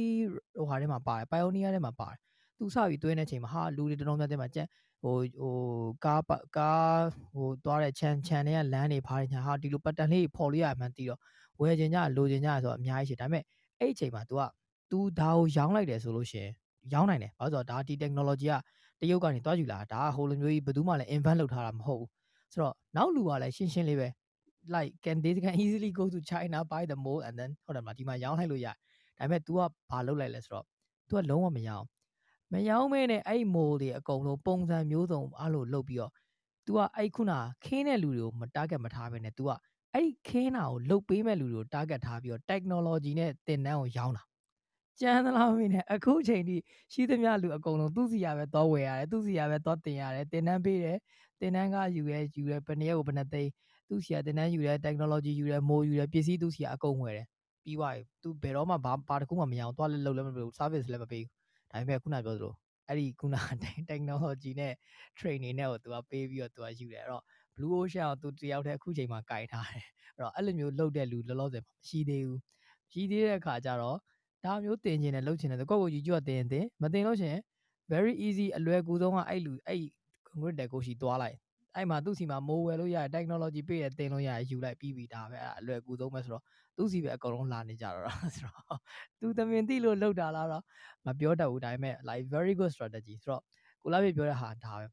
အဲ့ဒီမှာ तू ကဒီ target ထားတဲ့လူကအရန်မှန်သွားတာပေါ့နော်လုတ်ပေးတဲ့လူတွေကို तू က target ထားတယ်အဲ့လုတ်ပေးတဲ့လူကဘာအခက်ခဲရှိရခုနကကျွန်တော်ပြောသလိုပဲ franchise ယူတဲ့ကလုတ်ပေးတဲ့ sorry တော့ကိုတာတူခုနဟာလည်းဖြတ် လုတ်ပေးတဲ့လူကို तू က target တေချာထားပြီးတော့အဲ့လူတွေရဲ့အခက်ခဲကဘာတွေရှိလဲသူတို့ဘာတွေမြင့်မေးလို့ရတယ်လဲကိုလာပြ strategy ရင်သွားလိုက်တယ်ပြီးသွားပြီသူအခု market ထဲမှာ market sharing မှာသူအများဆုံးပဲဒါတွေကိုသင်ပေးတာသူပဲရှိတယ်သူမှမရှိဘူးဆိုတော့ like very good strategy yeah so teacher teaching program လိုမျိုးပေါ့သိရမလား teacher လုပ်ချင်တဲ့လူတွေကို teaching ပြန်လုပ်ပေးလိုက်တယ်ဆိုတော့အာဆရာဆရာလုပ်ချင်တဲ့လူများကိုဆရာကြီးကိုင်းချုပ်ကနေတယ်ဆိုရင်ဆရာလေးအများကြီးမွေးပေးလိုက်တယ်အားလုံးဆရာကြီးတော်တော်လို့ရပြီဆိုရင် so that's a good one that's a good one franchise ယူတဲ့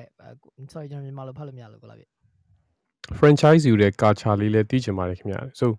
ကိုသားသူ would you please join us ကျွန်တော် invite လုပ်လိုက်ပါမယ် so လာကြိုင်းမှာမိကြည့်ရ franchise ယူရဲဆိုတော့ပါတယ်ဘယ်လိုဟာမျိုးတွေရှိရလဲဆိုအဲ့မှာ blue ocean သုံးနေတယ်လို့ပြောချင်တာလားဗျဆိုအဆင်ပြေမယ်ဆိုလို့ရှိရင်လာကြိုင်းပြပါဦးဟောကျွန်တော်ဝင်ကြည့်ကြပဲလားပါဒီထဲမှာ gallery video content creation လုပ်တတ်တဲ့လူတွေလုပ်နေတဲ့လူတွေအလုပ်ရှာနေတဲ့လူရှိရဆိုရှင်ကိုသားသူတို့ အလုပ်ခေါ်နေပါတယ်သွားပြီးတော့အာရှောက်ရှောက်ချင်ရှောက်လို့ရပါတယ်ဗျ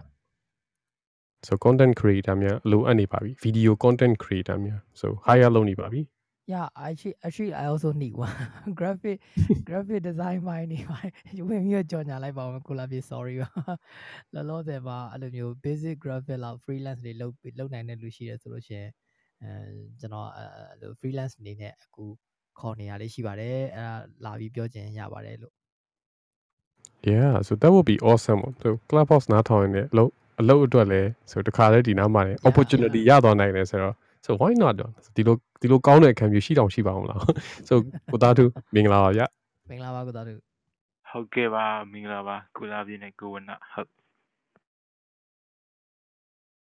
so ကျွန်တော်တို့မေးထားတယ်ဆို franchise ယူတဲ့ culture ဆိုတော့ franchise ယူတာဘာလဲလို့သိချင်တာလားဒါမှမဟုတ်လို့ရှိရင် specific market တွေပါရှိတာဘယ်လိုမျိုးအကြောင်းတွေကိုပြောတာလား franchise ယူတာဘယ်လိုမျိုးလဲဗျ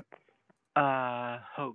ကျွန်တော်နားထောင်ရင်းနဲ့ကျွန်တော်ဒီအတွေ့အလေးဝင်လာတာက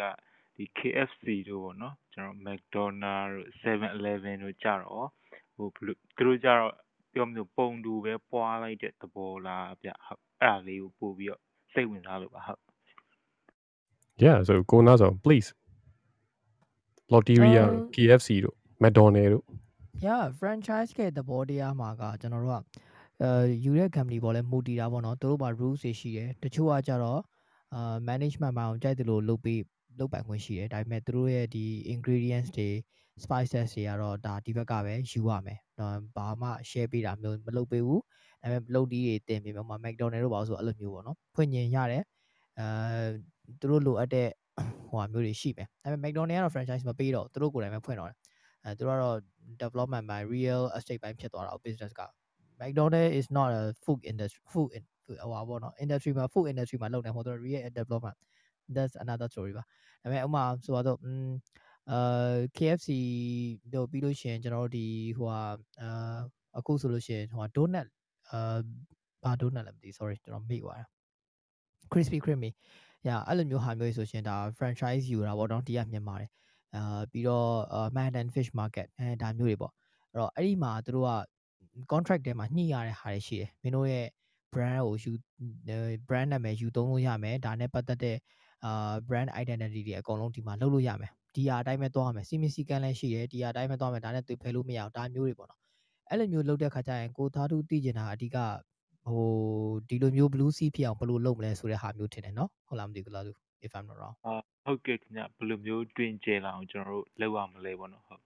yeah အဲ့ခါကြာလို့ရှင်ဒီပထမအောင်ဆုံးဒီ franchise သမားတွေပြဿနာတက်တာကအဲသူတို့ဒီစပြီးတော့ business လာလုပ်တဲ့ environment နဲ့ culture နဲ့ကို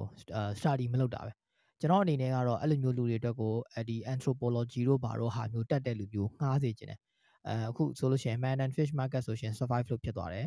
အဲဒါပေမဲ့ fish and go ဆိုလို့ရှိရင် gone ဖြစ်သွားပြီဟုတ်တယ်မတူတူပဲဝင်လာကြတာသူတို့နှစ်ယောက်စလုံးဆိုရှင်ဒီမှာ franchise ရှိတဲ့လူတွေလည်းတကယ်ကိုတိတ်တိတ်ကျဲ BJ တထေးကြီးတွေလောက်ကြဒါပေမဲ့ fish and go ဆိုမစားတော့ရှိလည်းမရှိတော့ထွက်သွားတယ်ဒါပေမဲ့ fish market ကကြံခဲ့ဆိုတော့အဲ့ဒီမှာဘာတွေကွာဝါလဲဆိုပြီးတော့ပြန်ကြည့်ကြည့်လို့ရတာပေါ့နော်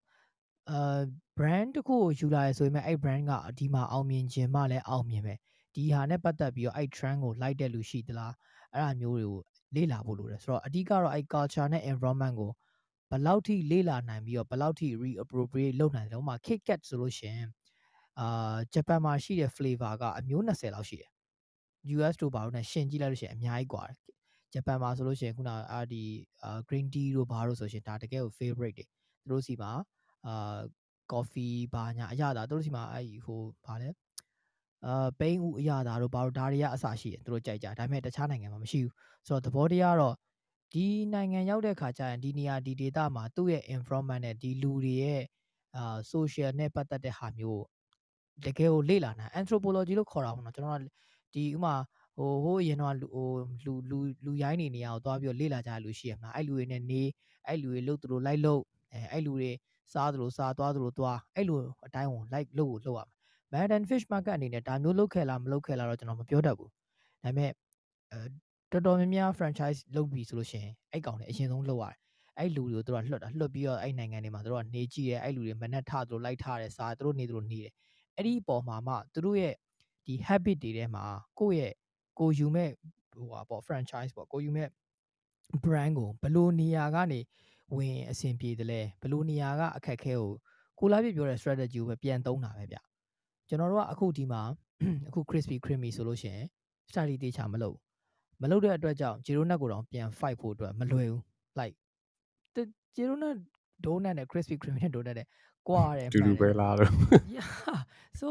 it's like ဒါပေမဲ့ Jeronet ကိုကြောအောင် Jeronet ဆိုတာဘာ branding branding ဆိုတာဒီကဲအခုကျွန်တော်တို့ပြောနေတဲ့ strategy တွေပါဘာမှသုံးထားတာမရှိဘူးအခုချိန်ထိ donut မှာကျင်လို့ရှင်ညီမလေးညီမလေးနောက်ကဟိုပခုံးပေါ်ကဟိုညာဘက်ဥစ္စာနှစ်ခုကျော်သုံးခုမြောက်ပြီးတော့ဟိုဘယ် row ကနေညာ row ကိုနှစ်ခေါက်ဆင်းလိုက်အဲ့အဲ့ဟာလေးလိုချင်ပါဆိုပြီးပြောရတဲ့အခြေအနေရှိတော့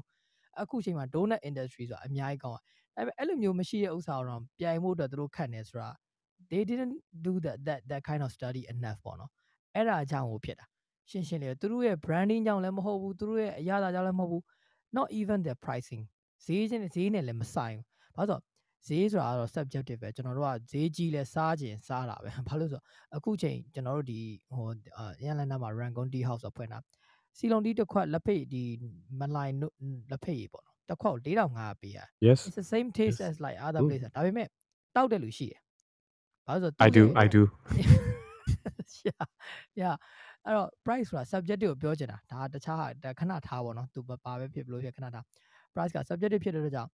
Krispy Kreme ဈေးကြီးလို့လည်းလူမစားတာလည်းမဟုတ်ဘူးတခြားကြောင့်လည်းမဟုတ်ဘူး branding ကြောင့်လည်းမဟုတ်ဘူး franchise ညံ့လို့သူခုနပြောလို့ဒီကလူတွေရဲ့အလေးအထားတွေဒီကလူတွေရဲ့ culture တွေဒီကလူတွေရဲ့ habits တွေကိုလေ့လာထားခြင်းမရှိဘဲနဲ့ဝင်ပြီးတော့ဟာငါတော့ဆရာကြီးပဲငါလာရင်တော့လူတိုင်းကြမ်းပါပဲဆိုပြီးတော့ဝင်ကြမ်းလိုက်တဲ့ အထာမျိုးတွေကပြဿနာအရင်ဆုံးတက်စေတာအဲ့တော့အခုချိန်မှာကျွန်တော်တို့စီကို Starbucks လာပြီဆိုလို့ရှင်လဲအောင်မြင်ခြင်းလားအောင်အောင်မြင်မလားအောင်မြင်လားမထင်နဲ့ it's not that simple ဘယ်လိုပဲလာလာမတူကျွန်တော်တို့ဒီအခု coffee bean ဆောင်ကျွန်တော်တို့ရန်ကုန်မှာရှိတာပဲရောက်တာပဲဒါပေမဲ့အောင်မြင်လို့လားဆိုတော့ not really လေတခြားနိုင်ငံနဲ့ရှင်လာရရှင်ရည်တာပေါ့ဒီက coffee bean မင်းတို့ကောင်တနေ့တနေ့ရောင်းရရောင်းရလားဆိုတော့အဲ့လိုမျိုးတော့ဖြစ်နေဘာမှ innovate မလုပ်နိုင်ဘာမှမဖြစ်နိုင်ဆိုတော့အရင်ခက်ခဲတယ် ဘယ်လောက်ထိ brand ကြီးကြီးဘယ်လောက်ထိ investment ကြီးကြီးကိုတော့မြန်မာပြည်ကျတော့ပိုဆိုးတာပေါ့နော်ကျွန်တော်တို့ရဲ့ဒီဘက်ကအများကြီးနောက်ကျနေတဲ့ဟာမျိုးတွေကိုသူတို့လိုက်ပြီးတော့ကြည့်ဖို့အတွက်ဟိုမှာဖြစ်တယ်ဒါပေမဲ့ဒီထက်တိုးတက်နေတဲ့နိုင်ငံတွေရောသွားမယ်ဆိုရင်လွယ်လားဆိုတော့လည်းမလွယ်ဘူးဒီအတိုင်းပဲကျွန်တော်တို့ထိုင်းကိုလည်းဝင်လာတဲ့ဟာမျိုးတွေအများကြီးရှိတယ်ကိုသားတို့အကေအဲ့မှာရှိနေဆိုလို့ရှိရင်ကျွန်တော်တို့ဒီအာ7-11ပေါ့နော်ထိုင်းရဥစ္စာပေါ့ तू ကသူ့ရဲ့သူ့ရဲ့ strategy ကအရန်ကောင်းတာ ဘလောက်ဘာလို့အဲ့လောက်ဘာလို့အခုချိန်မှာအဲ့ကောင်ကအဲ့လောက်ထိအောင်မြင်သွားလဲဆိုတာအဲ့ကောင်တွေရဲ့သူ့ရဲ့ history နဲ့ပါတယ်နည်းနည်းပြန်ကြည့်ပါတော့ကျွန်တော်ဒီထဲမှာအများကြီးတော့ပြောတော့ ਨੇ အတူကြုံ तू franchise ယူပြီးတော့ तू ဝင်လိုက်တဲ့ပုံစံကတော်တော်ကောင်းတာ तू ကတိုင်းမှာအဲ့7-11အဲ့ဒါကြီးမရောက်ခင်တော့ကျွန်တော်တို့ဒီလို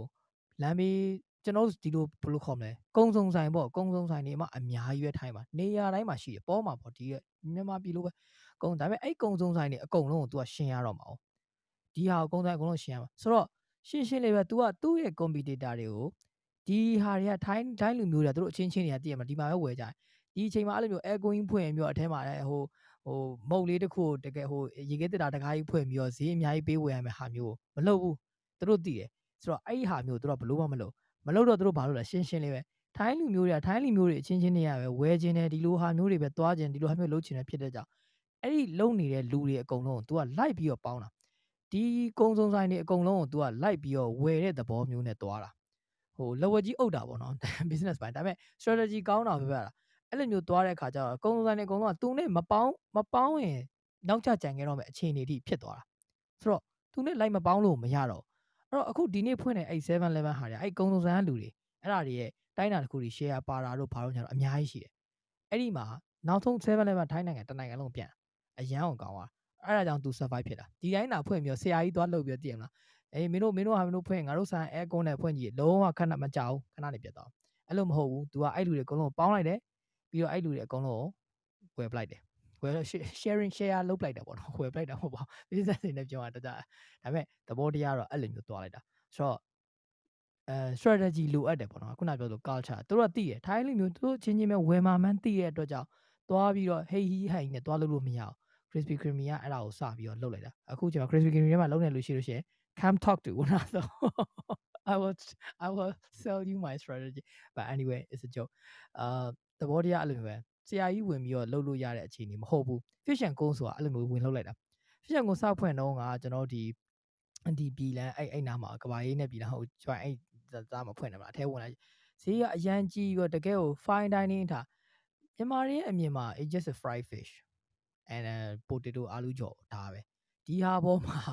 ဘာလို့ဆိုကျွန်တော်ကိုယ်တိုင် fish and co မှာအလုပ်လုပ်ခဲ့ပြီးတော့ကျွန်တော်သိတယ်သူတို့ရဲ့လောက်ရတဲ့စံချိန်တွေ quality တွေဘာတွေကမကောင်းမဟုတ်ကောင်းတယ်ဒါပေမဲ့မြန်မာပြည်မှာလောလောဆယ်မှာအဲ့ဒါကိုသူတို့ကအဓိကထားပြီးတော့ကြည့်မနေဘူးအဲ့လိုမျိုးရှိမနေတယ်ဖြစ်တဲ့အတွက်ကြောင့်ဒီလိုမျိုးသွားပြီးတော့ဒါကြီးကို fine dining အထိုင်နဲ့ဈေးကြီးကိုတပွဲကိုတောင်းကတိုင်းချီပြီးတော့သွားလုပ်လို့မရအောင်လာစားတဲ့လူက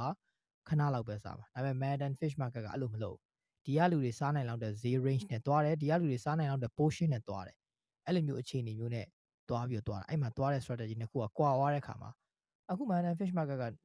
survive ဖြစ်တယ်လေ Manly မှာဖွင့်တယ်ရန်ကုန်မှာရှိတယ်သူကနဲ့သူဖွင့်နိုင်တယ်သူကနဲ့သူရှိနိုင်တယ်လိုဟာဖြစ်နေတယ် Fish and Co ကတနစ်တောင်မှမခံလိုက်တာထွက်သွားတာပဲနာမည်ဘယ်သူပိုကြီးလဲဆို Fish and Co ပိုကြီးရအောင်ကျွန်တော်စင်ကာပူမှာ Madden Fish Market ဆိုစားအောင်မစားဘူး Fish Man Fish and Co ကဈေးလည်းပိုကြီး quality လည်းပိုလည်းကောင်းတယ်တိလည်းတိတာတယ်ဒီ service ဘိုင်းတွေဘာတွေကအစအဲ့လိုမျိုးဒါပေမဲ့ဒီရောက်တဲ့အခါကျတော့မလုံတာအဲ့တော့ franchise ယူတဲ့လူရဲ့ အာလေ့လာမှုညံ့တာပေါ့နော် brand အားကောင်းတယ်ဆိုတိုင်းဒီလိုမျိုးသွားလို့မရအောင်ဒီလောက်တဲ့နေရာရဲ့ဒီခုနအဲခုနကျွန်တော်ပြောလို့ပဲ anthropology အများကြီးလေ့လာမှရမယ်ဆိုတော့ကျွန်တော်တို့ကျွန်တော်ကိုသားတို့အကဲအဲ့လိုလုပ်မယ်ဆိုအကြံပေးချင်တာအကြောင်းခွင့်ပဲဖြစ်ဖွင့်တဲ့နေရာမှာသူ့ရဲ့ဇယိုက်တွေအကျင့်တွေ habit တွေအဲ့ဒါမျိုးတွေအကုန်လုံးလေ့လာပြီးတော့မှကိုကအဲ့လိုဟိုကျွန်တော်တို့ကားလိန်ယူသလိုမျိုးပေါ့ဒီဘက်လိန်ကနေဟိုဘက်လိန်ယူရဲဆိုဘန်းကနေဆိုကိုချလိုက်လို့ရှိရင်အဲ့ဒါတိုက်မှာပဲနောက်ကကားအဲ့တော့ဖြည်းဖြည်းချင်းစီကျွန်တော်တို့ကယူတတ်ဖို့တော့လိုတာပေါ့အဲ့ တော့ဒါက blue ocean strategy ပဲကျွန်တော်အတွက်ပေါ့နော်ဟုတ်ကဲ့ပါကိုသားတို့ဟုတ်ကဲ့ပါကျေးဇူးအများကြီးတင်ပါတယ်မျက်စိပွင့်နားပွင့်ပါတယ်ဟုတ်ကျွန်တော်သိတယ်ပါ maybe awesome ပေါ့နော် That's awesome so အဲ့အဲ့ဒါကတခြားပြဿနာတစ်ခုကျွန်တော်ကိုကိုနာဆိုပြောသွားပြီပုံမှန်လေဒီမြန်မာနိုင်ငံကိုရောက်လာတဲ့ခိုင်နဲ့ပြန်ဆက်ဆက်ပြီးကြည့်ကြည့်မယ်ဆိုလို့ရှိရင်ဘာသွားတွေ့ရလဲဆိုတော့ ယူလာပြီးမှ customer ရှာနဲ့ customer ရေရှာပြီးမှယူလာတဲ့နှစ်ခုတော်တော်ကွာလို့ပြောလို့ရတယ်။ချို့တွေက research data လုပ်တယ်။ဆို Lotteria မြန်မာနိုင်ငံကိုဆက်ဆက်ချင်းဝင်ရင်းတော့ဆိုလို့ရှိရင်ကြတားလုံးကြီးကအခုတည်းနှစ်ဆလောက်ကြီးရပါတော့။ဆိုတော့အဲ့မှာဘာ survey လုပ်လဲဆိုလို့ရှိရင်ဒီကျွန်တော်တို့ Junction Square မှာရှိတဲ့ Lotteria မှာစားပြီးသွားလို့ရှိရင်တော့ form လေးဖြည့်ခိုင်းကြတားလုံးတွေကကြီးလားရတာဘယ်လိုနေလဲဆက်တာပိုဆက်လာဒီအဆက်လောက်ဆိုတော်ပြီလားဒီထက်ပိုဆက်ဖို့လိုသေးလားအချို့ဆိုလို့ရှိရင်ရောဒီထက်ပိုပြီးတော့ထောပတ်ရတာပိုများလို့ကျွန်တော်စသဖြင့်ဒီလိုမျိုး survey ကိုတို့ 6လကြော်ကြော်လောက်သူတို့လုပ်ခဲ့တယ်ပေါ့အဲ့ဒါပြီးသွားတဲ့အခါမှာနောက်ပိုင်းမှာစက်သား site တွေကစာအကုန်လုံးမှန်သွား import မသွင်းတော့ဘဲနဲ့ဆိုမြန်မာနိုင်ငံကနေပဲပြည်တွင်းပြည်ကိုပဲသူတို့အားပေးပြီးတော့သူတို့စီကနေပြီးတော့ flavor ဆက်တဲ့လူကနေဆက်ပြီးဒီလိုမျိုးပုံစံနဲ့ကြော်ပါဆိုတဲ့ပုံစံမျိုး guideline ချပြီး franchise ပေးခဲ့တာပေါ့နော်တဖြည်းဖြည်းချင်းဒီမြန်မာအကြိုက်ပုံစံကိုလိုက်လုပ်ပြီးတော့ဈေးရလည်းပေးပြီးတော့စားနိုင်လောက်တဲ့ဈေးမျိုးဖြစ်အောင်လို့သူတို့တဖြည်းဖြည်းချင်းဒီ research လုပ်လာခဲ့တာပေါ့နော်ဆိုမလာခင်နဲ့ research လုပ်တယ်လာပြီးတော့လည်း feedback and research ပြန်လုပ်ပြီးတော့လုပ်တဲ့ပုံစံမျိုးမှာတော့ရှောက် သွားလို့ရတော့တာပါအဲ့လိုမဟုတ်ဘဲနဲ့ငါတော့ဒါမိုက်တယ်လို့ထင်တယ်ပေါ့ယူလာကြည့်လိုက်မှာပေါ့ဆိုကျွန်တော်ဆိုလို့ရှိရင်ကျွန်တော်ကြိုက်တဲ့ leather jacket brand တွေရှိတယ်တကယ်လို့များကျွန်တော်ကငါကြိုက်ရင်ပြီးရောဆိုပြီးတော့အဲ့ brand တစ်ခုမြန်မာနိုင်ငံကတည်လာခဲ့မယ်ဆိုလို့ရှိရင်ကျင်းတွေပေါက်ရှုံးမှာပေါ့နော်ဆိုတော့ဘေးတင်အောင်တော့မေးစရာမလိုဆိုကျင်းတွေပေါက်ရှုံးမှာဆိုဒီနိုင်ငံမှာဝတ်တဲ့လူရှိတာဆိုတော့ leather jacket ကိုဘလူတွေကဝတ်လဲဆိုဝတ်တဲ့ဝတ်တဲ့ market ကိုရှာကြည့်တော့လဲနေဦးမယ်ပေါ့နော်ဆိုအဲ့ဒါကိုတေချာမသိဘဲနဲ့ကျွန်တော်ယူလာပြီးတော့အများကြီးဆိုဘီလီယံနဲ့ချီပြီးရင်းလိုက်မယ်ဆိုလို့ရှိရင်ကျွန်တော်တို့တုံးတဲ့ကောင်ရှိတော့ဘာလို့ ဘယ် franchise မဆိုကိုရောင်းရမယ့် market ကိုအရင်ဆုံးကိုယ့်ကို research ရင်လို့လေ့လာပြီးတော့မှဝယ်မဲ့လူရှိပြီဆိုမှအဲ့ပစ္စည်းတစ်ခုကိုတည်လာတာအကောင်းဆုံးပေါ့နော်မဟုတ်လို့ရှိရင်တော့ရှုံးဖို့များပါလိမ့်မယ် so ကိုနာဆို share ပြီးတော့ပြည့်ပြည့်စုံစုံပဲရှိတယ်ဆိုတော့ကျွန်တော်အများကြီးတော့မဖြစ်တော့ပါဘူး so ကျေးဇူးအများကြီးအများကြီးတင်ပါတယ်ကိုတာတူဗာ join ပြီးတဲ့အတွက် so အောက်မှာအာကိုနာဆိုအတွက် graphic designer ရပြီတင်တယ် UI UX designer ပါတဲ့ graphic design ပါတဲ့ learning လုပ်နေပါတယ်တဲ့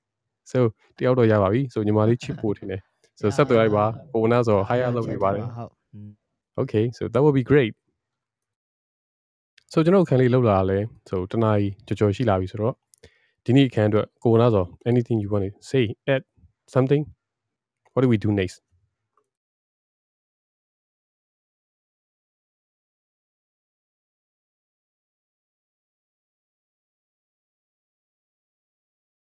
ဟယ်လို line ချသွားလားလားမသိ so တကယ်လို့များဒီနေ့အခန်းဝင်တာထောင်းတယ် yeah yeah yeah ကြားပြီဗျ line ချသွားတယ်နဲ့ကိုနာဆိုအော်ဟိုသူပေးထားတဲ့အထဲမှာသူကဒီ platform တွေပေါ့ဒီဒီ digital platform တွေထဲမှာမှာသူကအာဘယ်ဟာတွေ crowded ဖြစ်လဲဘယ်ဟာတွေကမဖြစ်ဘဲနဲ့သုံးလို့ရတာမျိုးရှိတယ်ဒါနဲ့ပတ်သက်ပြီးတော့လည်းသူမေးထားတဲ့ပုံပေါ်တယ်ကိုလာပြေခုနပို့ထားတဲ့အထဲမှာကျွန်တော်ဖတ်နေရဟုတ်တယ်ဗျ so digital platform တွေကို ကိုလုပ်ချင်တဲ့ business ကိုဘယ် platform မှာရွေးရမလဲလို့မေးကြတာပါအများသောအားဖြင့်တော့မြန်မာနိုင်ငံမှာ digital platform လို့ပြောလိုက်လို့ရှိရင် Facebook ပဲသွားပြီးပြီးတော့မြင်ရမယ်ထင်တယ် Yeah, that's too bad, right? Yeah. Come on, guys. yeah It's 2021 like okay. so အဲ့တော့ကျွန်တော်အနေနဲ့ကတော့အခုဆိုလို့ရှိရင်ကိုယ်ပိုင် platform တွေတီစောက်နေလို့ရပြီလို့ပဲကျွန်တော်ပြောချင်ပါတယ်ဆိုတော့အဲ့ဒါကအနည်းဆက်ဆုံးနဲ့အလွယ်ဆုံးပြောမယ်ဆိုလို့ရှိရင်တော့ Telegram ပေါ့ so အဲ့ Telegram channel များ group များထောင်လာပြီးတော့ ကိုယ့်ပစ္စည်းကိုယ့် product ကိုစိတ်ဝင်စားတဲ့လူများအဲ့ထဲမှာထည့်ထားလို့ရတယ်စိတ်ဝင်စားလို့ရှိရင် join မှာ content တစ်ခုလုပ်လိုက်တိုင်းပါနော် so Facebook ကနေပဲဖြစ်ဖြစ်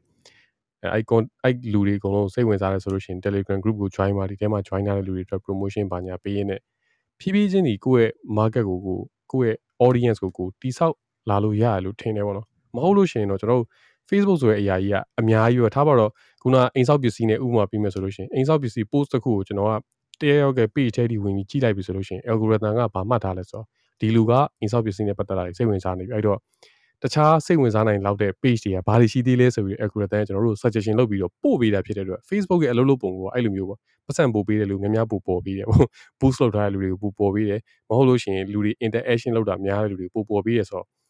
အဲ့ post တစ်ခုကိုစိုင်တာသွားကြည့်လိုက်ပြီဆိုတာ ਨੇ တခြားအဲ့ဒါ ਨੇ စိုင်တဲ့အားတွေအများကြီးပို့ပေးတယ်ပေါ့အဲ့တော့ဘာဖြစ်လဲဆိုတော့ ကျွန်တော်တို့ product တစ်ခုကိုပြလိုက်လို့လူကစိတ်ဝင်စားလို့ကြည့်သွားရင်တော့အဲ့ product ချင်းတူတာပဲဖြစ်ဖြစ်ဈေးနှုန်းကွဲတဲ့ဟာပဲဖြစ်တခြားရောင်းတဲ့နေရာဖြစ်ဖြစ်ဒါတွေပါလာပြနိုင်တော့အရင် noise များတယ်ပေါ့နော်ဆိုအဲ့လိုနေရာမျိုးတဲ့စားလို့ရှိရင်တော့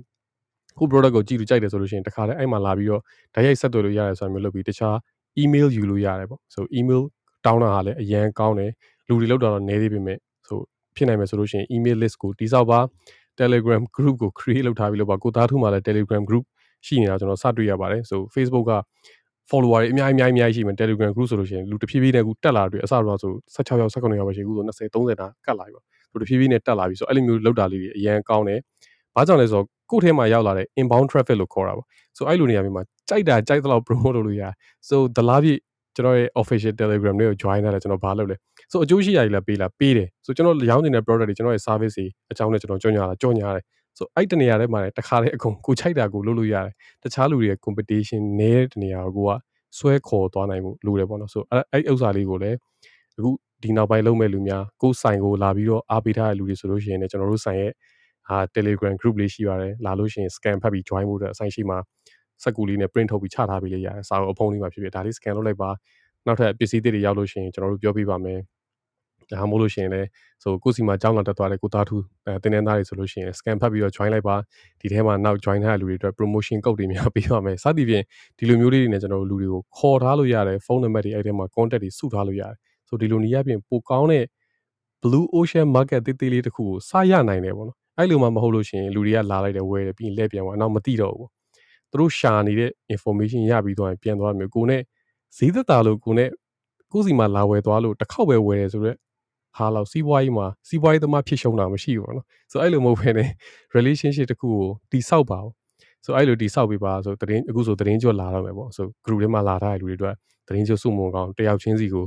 အာကိုကနေပြီးတော့ wish လုပ်ပေးတာမျိုးလို့ထိထိရရပေါ့ဒီ Facebook ပေါ်မှာအားလို့ design လုပ်ပြီးတော့သူများတင်လို့ငါလည်း like တင်နေဆိုတာမျိုးမဟုတ်ဘဲနဲ့ထိထိရရလုပ်ပြီးလို့ရတယ် by name နဲ့ဖြစ်ဖြစ် image ရှိတဲ့လူတွေဆိုလို့ရှိရင် name နဲ့ customize လုပ်ပြီးတော့ဆိုကိုဝနာဆို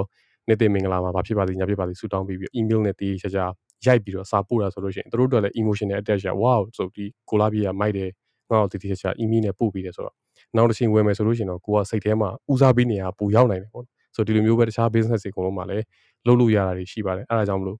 ကိုယ့်ရဲ့ customer များဝယ်သွားပြီးသွားပြီဆိုလို့ရှိရင်တခါတည်းနဲ့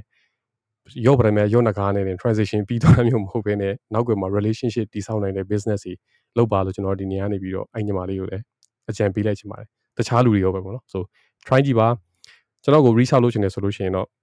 ကျွန်တော် Instagram မှာအမြဲရှိပါတယ် Instagram မှာတော့ content တွေနဲ့ဘာကြော်ညာမှမတင်ဘူးပေါ့နော် so ကြော်ညာပါတာတွေလည်းတင်ချင်တယ် file တွေလည်းလိုချင်တယ်ဆိုလို့ရှိရင်တော့ Telegram channel ကိုတွား join ပါ so နှစ်ခုလုံးအတွက်ကျွန်တော်ရဲ့ profile မှာနေရာရှိပြီးသားပါ so ကျွန်တော်ရဲ့ profile နဲ့ဝင်အောက်မှာ scroll လုပ်သွားလိုက်မယ်ဆိုလို့ရှိရင် Instagram link ရော Telegram link ရောရှိပါတယ်ဗျ so အဲ့ဒီမျိုးလေးတိစောက်ပါလို့ပြောချင်ပါတယ် so ကိုဝနာစော so any advice ရာအာခုနကိုမြန်မင်းတော်ဖြည့်သေးတယ်ထင်တယ်ကိုမြန်မင်းတော်အဲ့ဒီ Telegram ကိုလာပြပေးတဲ့ advice ဆိုတော်တော်ကောင်းတယ်ဒီကျွန်တော်တို့ဆိုလို့ရှိရင်ဒီခုနတစ်သားနဲ့ဖြတ်တဲ့ set တွေ profile ကျွန်တော်အဟောင်းတွေပါပြန်ဝယ်ရတာရှိတယ်အဲဆိုကျွန်တော်ခုနပြောလို့ Facebook မှာ share တာအရင်ကောင်းရှောက်ပြီးတော့အရင်ဟိုဟိုဘယ်လိုခေါ်မလဲ noise များတဲ့အခါကျတော့အဆင်မပြေဘူးဒါပေမဲ့အဲ့အဲ့ဒီထဲမှာခုန net တဲ့လူတွေက Telegram မှာ Telegram တို့ Viber တို့သူတို့ကအဲ့လို group လေးသူတို့သူတို့ဟာနဲ့သူတို့လုပ်ထားတာပြီးရင်သူတို့ကတနေ့တနေ့သူတို့ကလည်းသူတို့တင်တယ်ကြည့်တယ်ကြည့်တယ် it's very easy for us တည်ရမှာကျွန်တော်ဒီလူရဲ့ quality ကောင်းလားမကောင်းလားသူကဒါတင်လိုက်တယ်ဒါရောင်းထွက်သွားပြီဒါတွေအစ်ရောက်တယ်ဒါရောင်းထွက်သွားပြန်ပြီဆိုသူကလည်းသူဟုတ်နေတာဆိုတော့ join လာတဲ့လူတွေလည်းများလည်းများလာတော့အော် okay ပေါ့ကျွန်တော်တို့ကကြည့်ရတာအရန်လွယ်သွားပြီဟိုဒီထဲမှာသွားပြီးတော့လိုချင်တဲ့ပုံရှာလို့ရတယ်ဒါ direct information ပဲတခြားဘာ noise မှမရှိဘူးဆိုတော့ ဒီလူကိုကြိုက်ရင်ကျွန်တော်ဒီလူကို follow ထားလိုက်ပြီးရင်မကြိုက်ရင် form လို့မလုပ်ဘူးပေါ့ပြီးတာပဲဒါပဲဆိုတော့သူ private channel လေးဆိုတော့အဲ့ဒီ building materials တွေကိုလည်းအဲ့လိုမျိုးလေး try ကြည့်စေချင်တယ်ကျွန်တော်တို့ building materials တွေမှာမှ type တွေခွဲထားတာတို့ဒါတို့ညာတို့အဲ့ဒါနဲ့ information လောက်ထားတာမျိုးဒါနဲ့ပတ်သက်သိချင်တဲ့လူဆိုရှင်ဒီ channel က grow ဖြစ်လာနိုင်တယ်ဆိုတော့ I think you should try that ပေါ့နော်ကျွန်တော်အနေနဲ့ဒီခုန digital platform တွေကိုဒါကိုလာပြီလဲခုနတော်တော်များပြောပြီးသွားပြီဆိုတော့ခုနအဲ့အဲ့ညမှာလေးရှိတယ်ဟာလားကိုလာပြီဒီထဲမှာလာမိတဲ့ I'm not sure ရာအကယ်၍မရှိခဲ့ဘူးဆိုရင်တော့ lion 2ပဲပြန်လိမ့်စင်လို့ရှိခဲ့ဆိုလို့ရှိရင် social ဒီ media networks တွေပေါ့အဲ့ဒီခုန networks တွေပေါ့ဒီ digital platform တွေပေါ့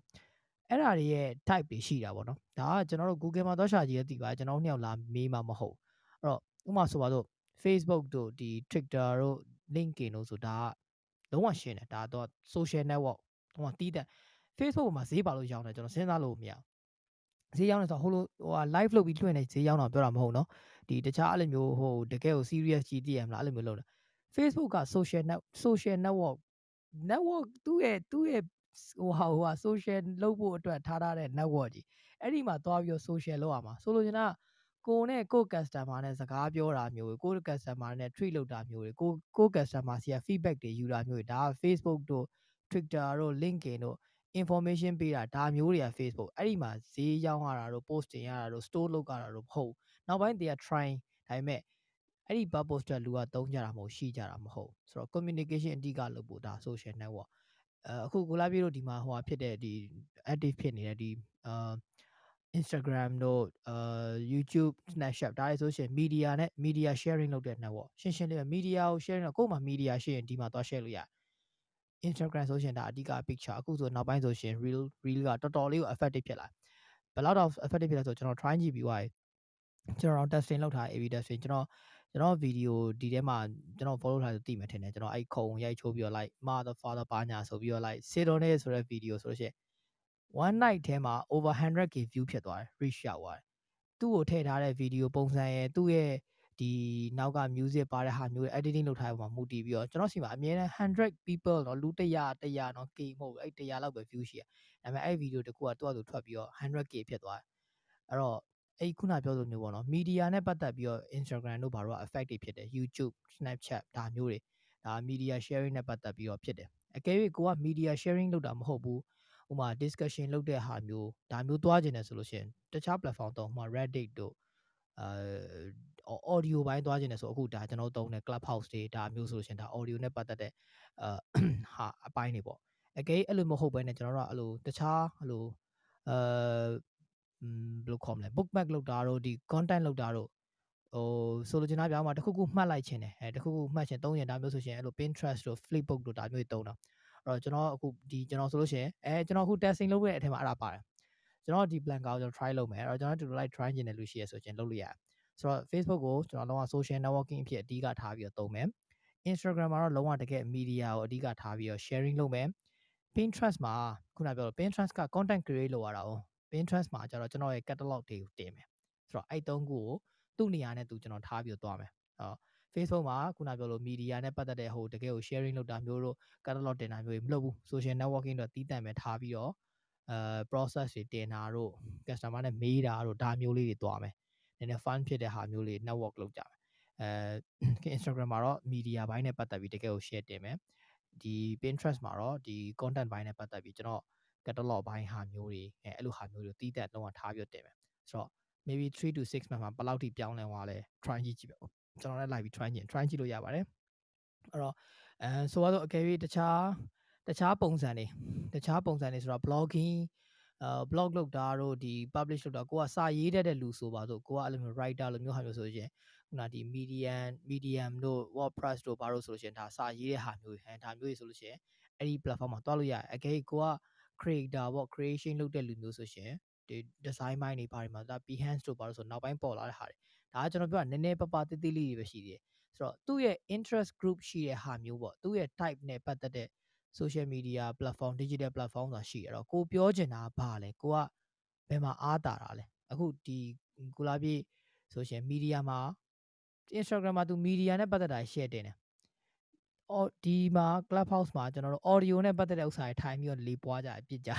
ဒါပေမဲ့ဒီဟာကို Instagram မှာကျွန်တော်လေပွားတာမလုပ်ဘူးဒါပေမဲ့ Telegram မှာကျတော့ private group အနေနဲ့သွားတယ်ဆိုတော့သူသူ့ရဲ့ purpose နဲ့သူ့ဟာနဲ့သူ့ကိုတုံးတဲ့အတွက်ကြောင့်လမ်းကြောင်း direction တော့သူအဆင်ပြေနော်ကျွန်တော်အဲ့လိုမျိုးမဟုတ်ဘဲနဲ့တခြား purpose သွားသုံးနေတာပြဿနာတက်ကုန်တာဆိုတော့ Facebook is for social networking so network လုပ်ပါ social networking လုပ်ချင် Facebook မှာလုပ်ပါ Telegram group နဲ့ Viber group ပါကွာအဲ့ဒါ it's the same thing ပဲအဲတခုပဲ Telegram ကပို့ပြီးတော့အခုလောလောဆယ်ဟိုမြန်မာပြည်မှာတော့ပို့ပြီးတော့ခေတ်စားသလိုတိုက်ထိုင်တစ်ခုတည်းဖြစ်တယ်ထင်တယ်ကျွန်တော်အမြင်ရနောက်တစ်ခုကအဲဗီဒီယို live လုပ်လို့ရတာမျိုးကိုလာပြီပို့သိလိမ့်မယ်ကိုလာပြီတစ်ချက်လောက်ဖြည့်ပေးလိုက်ပါဦး Yeah so ကျွန်တော်အနေနဲ့ဆိုလို့ရှိရင်တော့ Telegram group ကိုပိုကောင်းတယ်လို့ထင်တယ်ပေါ့နော်။ဘာကြောင့်လဲဆိုတော့ Viber ဖုန်းနံပါတ်ပေါ်တယ်။ဆိုတော့တချို့လူတွေကဖုန်းနံပါတ်မပေါ်သေးချင်ဘူးပေါ့။ so obviously ဆိုတော့တို့ဖုန်းတွေကိုဆက်ပြီး message ပို့တာတော့လာကြူတာတို့ကြောင်တာတို့အာ channel ထဲမှာဝင်ထားရင်နဲ့ group ထဲမှာဝင်ထားရင်နဲ့ကိုယ့်ရဲ့ဖုန်းနံပါတ်ကပေါက်ကြားသွားတာတော့ဘာလို့ရှိတယ်ဆိုလို့ရှိရင်စိတ်ညစ်ရတာတော့ဘာလို့ရှိတယ်ပေါ့နော်။ဒါကြောင့်မလို့လူတွေက Telegram group ကိုပို join နေ Telegram မှာဖုန်းနံပါတ်ကို hide လုပ်ပြီးတော့ user name နဲ့ထားလို့ရတယ်။ဆိုဒီလိုလုပ်ချင်းအပြင်ကျွန်တော်အနေနဲ့တော့ group လုပ်မယ်အာ channel လေးတွေထောင်မယ်ဆိုလို့ရှိရင် Telegram မှာတွားလုပ်စေချင်တယ်ပြီးတော့ live လည်းလွှင့်လို့ရတယ်ကျွန်တော်တို့ group video chat လည်းလုပ်လို့ရတယ် audio only စကားပြောတာမျိုးတွေလုပ်လို့ရတယ်ဆိုအဲ့ဒါတွေအားလုံးပါပြီးသားပိုကောင်းတာကအဲ့ကိုပြောလိုက်တဲ့ group ထဲမှာ chat လုပ်ထားတဲ့အရာတွေ live လုပ်သွားတဲ့အရာတွေအားလုံးကို record လည်းတစ်ခါလည်းလုပ်ပေးတယ်ဆိုတော့အဲ့ record လုပ်တာကဘာကောင်းလဲပေါ့နော် Telegram ကကိုယ့်ရဲ့ set ထဲမှာလာပြီးတော့ record လာယူတာမဟုတ်သူတို့ server ပေါ်မှာယူထားပြီးတော့မှကိုယ့်ရဲ့ save message တွေကိုပို့ပေးတာဖြစ်တဲ့အတွက်အဲ ကျွန်တော်တို့မြန်မာနိုင်ငံကျွန်တော်လိုမျိုး storage ငမွဲပေါ့နော်ဆိုဖုန်းထဲမှာအမြဲတမ်း storage ပြည့်နေတဲ့လူတွေအတွက်ဆိုလို့ရှိရင် Telegram platform ကအများကြီးအများကြီးအများကြီးအကျိုးရှိရလို့ထင်တယ်သူတို့က server ပေါ်မှာနေမဲ့ encode လုပ်ပြီးတော့တခါလေးဗီဒီယိုတင်ထားပြီးတယ်ပြီးတော့ကိုယ့်ရဲ့ save message တွေကိုတခါလေးပို့ပေးလိုက်တယ်ပေါ့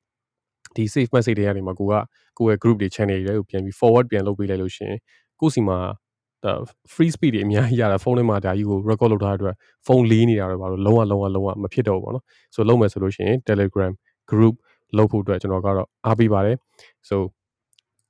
I my choice ကတော့ Telegram ပေါ့ဘာကြောင့်လဲဆိုလို့ရှိရင်တော့ဖုန်းနံပါတ်မပေါ်ဘူးပေါ့နော်ဆိုတော့အဲ့တခုကအရင်ကောင်းမယ်လို့ထင်ပါတယ်ကျွန်တော်တို့ဆက်သွယ်ခြင်းတဲ့လူများလည်း Telegram ကဆက်သွယ်လို့ရတယ်တလားပြည်ပဲပေါ့နာမည်ကအတူတူပဲ so platform ပေါင်းစုံမှာ Twitter ရော Medium ရော Instagram ရောရှိသမျှရှိသမျှ platform platform တွေအားလုံးမှာ add တလားပြည်နဲ့ရှာလို့ရှိရင်တော့အကုန်လုံးထွက်လာနေပါပြီပေါ့ဆိုဆက်သွယ်ခြင်းတဲ့လူများရှိလို့ရှိရင်အဲ့ကနေပြီးတော့ဆက်သွယ်ပြီးလို့ရပါတယ် so ကိုနာတော့ခုနဘာပြောမလို့လဲဆက်ပြောပါဦးဗျ။ အိုးရအဲ့တော့ကိုယ့်ရဲ့ကိုလှုပ်ချင်တာကဘာလဲဆိုတာအတိပေါ့နော်ပြီးတော့ကျွန်တော်ဒီထဲမှာအခုမဝင်းတည်တာရှိသေးတယ်ဆိုရင်ကျွန်တော်အမြဲတမ်းပြောပါတယ်ကိုယ့်ရဲ့ business က mission ရှိမှာပေါ့နော်အဲ့ဒီ mission ပေါ်မှာပဲ decision မှန်သမျှကိုကျွန်တော်တို့ကလုပ်ရမှာပေါ့အဲ့ဒီလုပ်တဲ့ decision ကအဲ့မှာ why မယ်ပေါ့ဘာလို့လုပ်တယ်ဆိုလဲအဲ့မှာ decision ရှိလာရှိတဲ့ decision မှာ okay ငါတို့ကတော့အတန်ကျဲမှရမယ် hey ဆိုလို့ရှိရင် audio နဲ့ပတ်သက်တဲ့ဟာမျိုးအတန်နဲ့ပြောမှရမယ် hey ဆို audio နဲ့ပတ်သက်တဲ့ platform ကိုသုံး ငါတို့ကတော့ networking ကောင်းမှကိုရမယ်ဟေးငါတို့ကတော့အပေါင်းအသင်းများမှရမယ်ငါတို့ကတော့ socio path ဖြစ်မှရမယ်ငါတို့ကတော့ဒီ extrovert တွေဖြစ်မှရမယ်ဟေးဆိုရင် go to Facebook သွား Facebook မှာသွားပြီးတော့အမှ share လဲကြီးစိုးငါတို့တော့ media တွေ share share ပြနေမှရမယ်ဆိုရှင် YouTube Instagram ခုနပြောလို့ငါတို့ကတော့ content curation တွေအများကြီးသွားမှရမယ်ဆိုရင်တော့တခြားဟာသွား Pinterest ဘာညာကွီကွာအဲ့လိုပိုင်းနေအကဲအခုဒီထဲမှာခုနဒီ match ပို့ညီမလေးတို့ UI UX လုပ်တယ်ဆိုလို့ရှင် အခုချိန်မှာ Behance account မရှိဘူးဆိုလို့ရှင် I think you are very very late too late so late ဆိုတော့ဒီ not a UI UX designer လို့ပြော UI UX designer မဟုတ်ဘူးမဟုတ်လို့ပြောလို့ရတယ်ပြီဆိုတော့ you must have it အဲ့တော့အဲ့လိုမျိုးဟာမျိုးတွေရှိတယ်ကိုက UI UX designer ဖြစ်ပြီးတော့ Facebook မှာနေနေလို့မရဘူး no Facebook is not for you ဘာလို့ဆိုတော့ doesn't care Facebook ကဒါဒီဟာအတွက်သွားတာမဟုတ်ခုနကိုလာပြပြောသလိုပဲသူတို့ကသူတို့သူတို့စီမှာအခုမှကိုလာပြက အာ content creation လုပ်တယ်ဒီဟာနဲ့ပတ်သက်ပြီးတော့ तू ကကြေညာတယ်ပေါ့နော် yeah yeah good for you good for you very good for you ပါကိုလာပြအခု content creation လုပ်တော့ကြော်ညာလိုက်ပြီဆိုပါတော့ okay ကျွန်တော်ကိုလာပြကြော်ညာကိုတွေ့ကိုလာပြကောင်းမကောင်းမသိသေးဘူးဒါပေမဲ့ refresh တောင်မလုပ်ရသေးဘူးကျွန်တော်ကိုလာပြလို့လုပ်တဲ့တခြားကြော်ညာတဲ့ content ဟာသမားကိုတွေ့ပြန်ပြီ။ Oh okay သူရောကောင်းလားမသိဘူးဆိုပြီးသွားကြည့်ပြန်အဲ့ချိန်မှာကျွန်တော်ကိုလာပြကိုမေ့သွားပြီ။ဆိုတော့အဲ့လိုမျိုး noise ဖြစ်တဲ့ဥစ္စာအခက်အခဲအရန်ဖြစ်တစ်ချိန်တည်းမှာပဲ competitor ကိုမရှိရှိအောင်မများများအောင်လုပ်လိုက်တာ။အဲ့ဒီအတွက်ကြောင့်အခုချိန်မှာမြန်မာဟိုဗာ furniture ရဲ့မြန်မာတို့ရန်ကုန်တို့ရိုက်ကြည့်ကြည့်လိုက်ပါနဲတာမဟုတ် Facebook မှာပေါ်လာကျွန်တော်ဒုက္ခတော့ရောက်ရောက်တော့ပေါ့ဒီမှာတစ်ချိန်လုံးထိုင်ကြောညာအဆင်ပဲပြေးမလဲဒါမျိုးတွေရှိတာပေါ့ဆိုတော့ you have to choose the right right platform for you ပေါ့နော် you don't have to be on every platform ရှိစရာမလိုအဲ့တော့อืมဘာလို့လဲအကဲကိုကအစ်စ်ဆိုလို့ရှင်တော့ကိုကအန်သိရမှာကိုလူသိမှရမယ် ငါတော့ networking ကိုလုံးမှရမယ်ဆိုရင်တော့ Facebook is a good way to start ပေါ့နော်ဒါကဟိုမတုံးတဲ့လူအတွက်မပါဘူးကိုလာပြေတော့မှာကိုလာပြေဆိုတော်တော်လေးကို Facebook မတုံးမဲနဲ့ဒီဘက်မှာရအောင်ကြိုးစားထားတာဆိုတာ is like လာဒါကတော်တော်လေးကို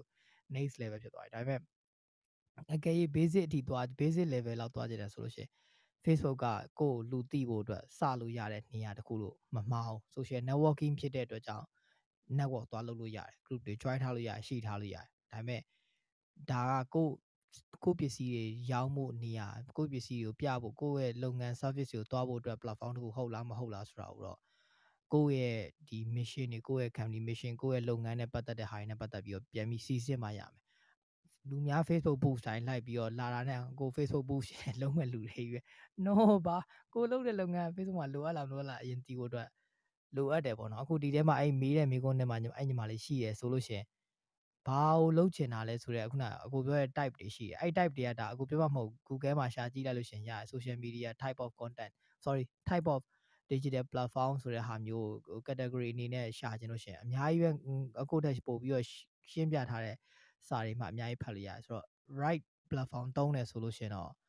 အဲလမ်းကြောင်းမှန်မယ်ပေါ့နော်အဲဆိုရင်တော့ပိုအဆင်ပြေမယ်ပေါ့နော်အဲ့တော့ဒါဆိုခုမှကိုလာပြလုံနေတာဆိုရှင်းရှင်းလေးပဲကိုလာပြလုံးဝ audio ကိုတုံးတယ် audio မပြောလို့မရဘူး तू ကဒီစကားကို तू ပြောမှရမှာလုံးမှရမှာဖြစ်တဲ့အတွက်ကြောင့် तू ကဒီ platform တော့အခုအချိန်မှာကိုလာပြမှာဟို clubhouse မှာဒီလိုပြောတာမဟုတ်ပဲね Facebook ပေါ်မှာတင်နေတဲ့လူမျိုးဆိုလို့ရှင်ဒါလုံးဝတကယ်အုပ်ရောရောကြောက်ရောရောဖြစ်သွားမယ်ဒီအချိန်မှာဘယ်သူမှန်းသိတော့မှာမဟုတ်တော့ဒါပေမဲ့ clubhouse မှာဆိုရှင်ဟာအော်ကိုလာပြဒါတွေတကယ်ကိုကောင်းတာဒီလိုလုပ်နေပါလားဆိုတာလုံးဝထင်းပြီးတော့သိသွားတယ် like he's not on Facebook but like ဒါပေမဲ့အများကြီးပဲသူ့အတွက် follower သူ့အတွက်လုပ်နေတဲ့လမ်းကြောင်းအများကြီးရှိတယ် community တခုတော့တီဆောင်တီထောက်လို့တီဆောက်ထားတယ်ဒီဟာမှာတကယ်ကိုကောင်းတဲ့လူတွေပဲလာပြီးတော့ join ကြအဲ့တော့အများကြီးအများကြီးကွာပါတယ်အဲ့တော့အဲအကြံပေးချင်တာအဲ့ဒါပဲကိုယ့်ရဲ့ digital platform ကကိုယ်နဲ့ကြိုက်တဲ့ဟာကို business နဲ့ကြိုက်တဲ့ဟာကိုတေချာရွေးဖို့လိုတယ်အဲ့ဒါတော့ research လုပ်ကြည့် test လုပ်ကြည့်ဘယ်နေရာမှာအောင်မြင်လဲဒါမျိုးတွေပေါ့နော် ဟုတ်ကဲ့ပါခုနတော့ share ပေးတာကျေးဇူးအများကြီးအများကြီးတင်တယ်ဆိုအခန်းမပြီးခင်လူတွေလည်းရှိသေးတယ်ဆိုတော့နောက်ထပ် value bomb တစ်ခုချပေးပါမယ်ဆိုကျွန်တော်လုပ်ခဲ့တဲ့ strategy ကိုအနေငယ် break down လုပ်ပြမယ်ပေါ့ဆိုအခုလောလောဆယ်ကျွန်တော်ရဲ့ profile ကိုလာပြီးဒီ clubhouse profile ကိုတွက်ကြည့်လိုက်မယ်ဆိုလို့ရှိရင်အဲ့မှာဘယ်လောက်မြင်လဲ4.3လို့မြင်ရတာတခါလေးမှာ club deck ကပိုများနေတယ်လို့တော့ကြာဒီဘေးရှောက်ကြွားနေတယ်ဖြစ်မှာဆိုကျွန်တော်စီမှာတော့4.4လို့ပေါ်တယ်ဆိုအဲ့လိုမျိုး follower ရတဲ့တနေရာမျိုးကိုကိုလူတွေကြိုက်လောက်မဲ့ နေရာ platform ဆိုတာတခုအရင်ရှိဖို့လိုတယ်ကိုကဘယ်အရာနဲ့ဖောက်နိုင်လဲ visually ကိုကဖောက်နိုင်တာဆိုရုပ်ပြပြီးတော့အာပုံနဲ့ဖောက်ချင်တယ်ဆိုလို့ရှိရင်လည်းဖောက်လို့ရတဲ့ platform တွေရှိတယ်ဆို LinkedIn တို့ပါလို့ဆိုလို့ရှိရင် professional image တွေပါတယ်ခဏခဏ studio မှာတွားရိုက်တာမျိုးတို့ဒါမှမဟုတ်လို့ရှိရင်အိမ်မှာ professional camera ထားပြီးတော့နောက်ွယ်မှာနောက်မှာ backdrop တွေပါချပြီးတေချာအလင်းတွေပါနေရိုက်ပြီးတော့ post တွေကိုအဲ့လိုတင်တယ်တင်တတ်တဲ့လူမျိုးကိုကလည်းအဲ့အတွက် confident အများကြီးရှိတယ်ဆိုလို့ရှိရင် linking ကအရန်ကောင်းတယ်ပေါ့ဆိုတော့ကျွန်တော်အနေနဲ့ကတော့ ကျွန်တော်ကကိုကိုကိုစကားပြောနိုင်တယ်လို့ကျွန်တော်သိတယ်ပေါ့တခြားလူတွေကိုရှင်းပြတာတို့ပြောပြတာတို့သူများကိုနားထောင်တဲ့နေရာမှာကောင်းတာတို့မိကုန်းနေမိတတ်တာတို့ဒါကျွန်တော်ရဲ့အားသာချက်ကိုကျွန်တော်သိရတဲ့အတွက်ဒီ platform ကိုကျွန်တော်ရွေးချယ်ခြင်းဖြစ်တယ်အဲ့တော့ဒီ platform မှာကျွန်တော်လူစိတ်ဝင်စားတဲ့လူအများကြီးအများကြီးအများကြီးကျွန်တော်ရအောင်လို့ယူတယ်ဆိုဒီ platform ကနေပြီးကျွန်တော်ဒုတိယတနေရာဖြစ်တဲ့နေရာကိုကျွန်တော်ဘယ်ကိုရွှေ့လဲဆိုလို့ရှိရင် Telegram ကိုကျွန်တော်ရွှေ့တယ်ဆိုအဲ့တော့အရင်ဆုံး Instagram အရင်ရွှေ့တယ်ပေါ့နော်ဆို Instagram နဲ့ အာကျွန်တော်ရဲ့အခုရှိနေတဲ့ဒီ Clubhouse နဲ့နှစ်ခုရဲ့ ratio ကိုပြန်တိုင်းကြည့်လိုက်မယ်ဆိုလို့ရှိရင်ဒီမှာ4000ဟိုမှာ1200ဆိုတဲ့အတွက်အာကျွန်တော်ကပြောရမယ်ဆိုလို့ရှိရင်25%လောက် convention rate ရှိတယ်လို့ပြောလို့ရတယ်ပေါ့နော်ဆိုအဲ့အဲ့လောက်ထိသွားတယ် so Instagram ကနေပြီးတော့ follow ထားတဲ့လူတွေဆိုသိလိမ့်မယ် Instagram မှာ post တွေကိုကြည့်နေနေဆို live တွေလုပ်တော့မယ်စာအုပ်တွေ share ပေးနေပြီဆိုစသဖြင့်ကျွန်တော်ပြန်ခေါ်တဲ့နေရာက Telegram ဆိုကျွန်တော်အဲ့မှာဘာလုပ်လိုက်လဲဆိုလို့ရှိရင်မျက်စိထဲမှာမြင်ကြည့်လိုက်ပါနော် imagine just imagine ကတော့ပုံစံလေးကျွန်တော်လုပ်ထားတာရှိတယ်ဆိုထိတ်ဆုံးအဝအကျယ်ဆုံးနေရာက clubhouse clubhouse ကနေနည်းနည်းလေးကျင်းသွားတော့ကျွန်တော်တို့ Instagram ဆို Instagram ကနေပြီးတော့ကျွန်တော်စိတ်ဝင်စားပြီးတကယ်တိလာပြီဆိုလို့ရှိရင်ကျွန်တော်ဘယ်ကိုထပ်ခေါ်လဲဆိုလို့ရှိရင် Telegram ကိုထပ်ခေါ်တယ်ဆို Instagram မှာတော့ကျွန်တော်ထုံးစံအတိုင်းအဲ့အပေါ်မှာကဒီ clubhouse ဆိုတဲ့နေရာဆိုလို့ရှိရင်ကျွန်တော် explore လုပ်တဲ့ stage လို့ပြောလို့ရတာပေါ့နော်ဆိုတော့ဒီဒီဘဲကြီးဘာကြီးပြောနေလဲလို့ explore လုပ်ချင်လို့ရှိရင် clubhouse မှာလာကြည့် ဆိုအဲ့တက်ပို့ပြီးတော့ဒီဒီပို့သိချင်လို့ဒီဘဲကြီးပြောတာတွေကိုဒီတက်ပို့သိချင်သေးတယ်ဆိုလို့ရှိရင် Instagram မှာကျွန်တော် post လေးတွေလုပ်ပြီးနေ့စဉ် daily post နဲ့ share နေရရှိအဲ့တော့ကတော့ကတဖြည်းနဲ့တေးသွား4000ကနေပြီးတော့1000ဖြစ်သွားတယ်အဲ့တော့25% convention rate ရှိတယ်။ so အဲ့25% convention 1000ရှိတဲ့နေရာကနေပြီးတော့ကျွန်တော် Telegram ကိုထပ်ခေါ်တဲ့အခါမှာ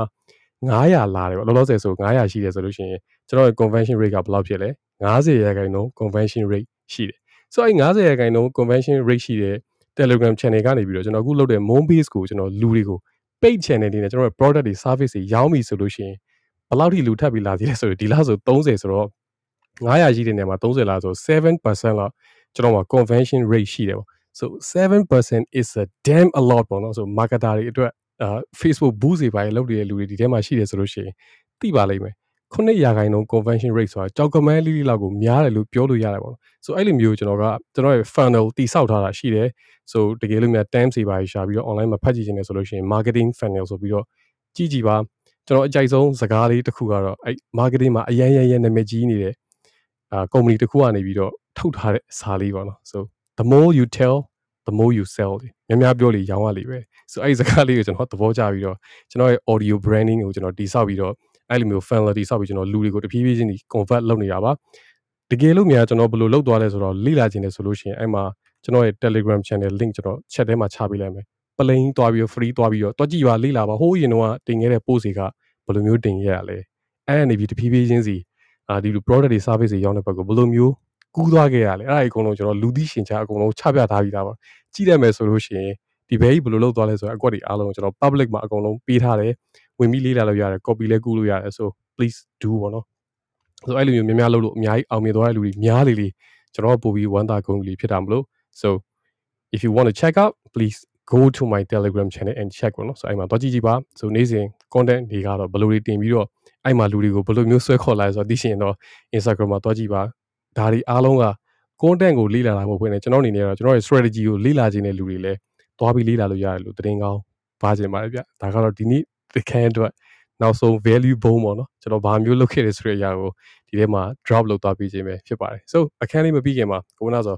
do you want to add anything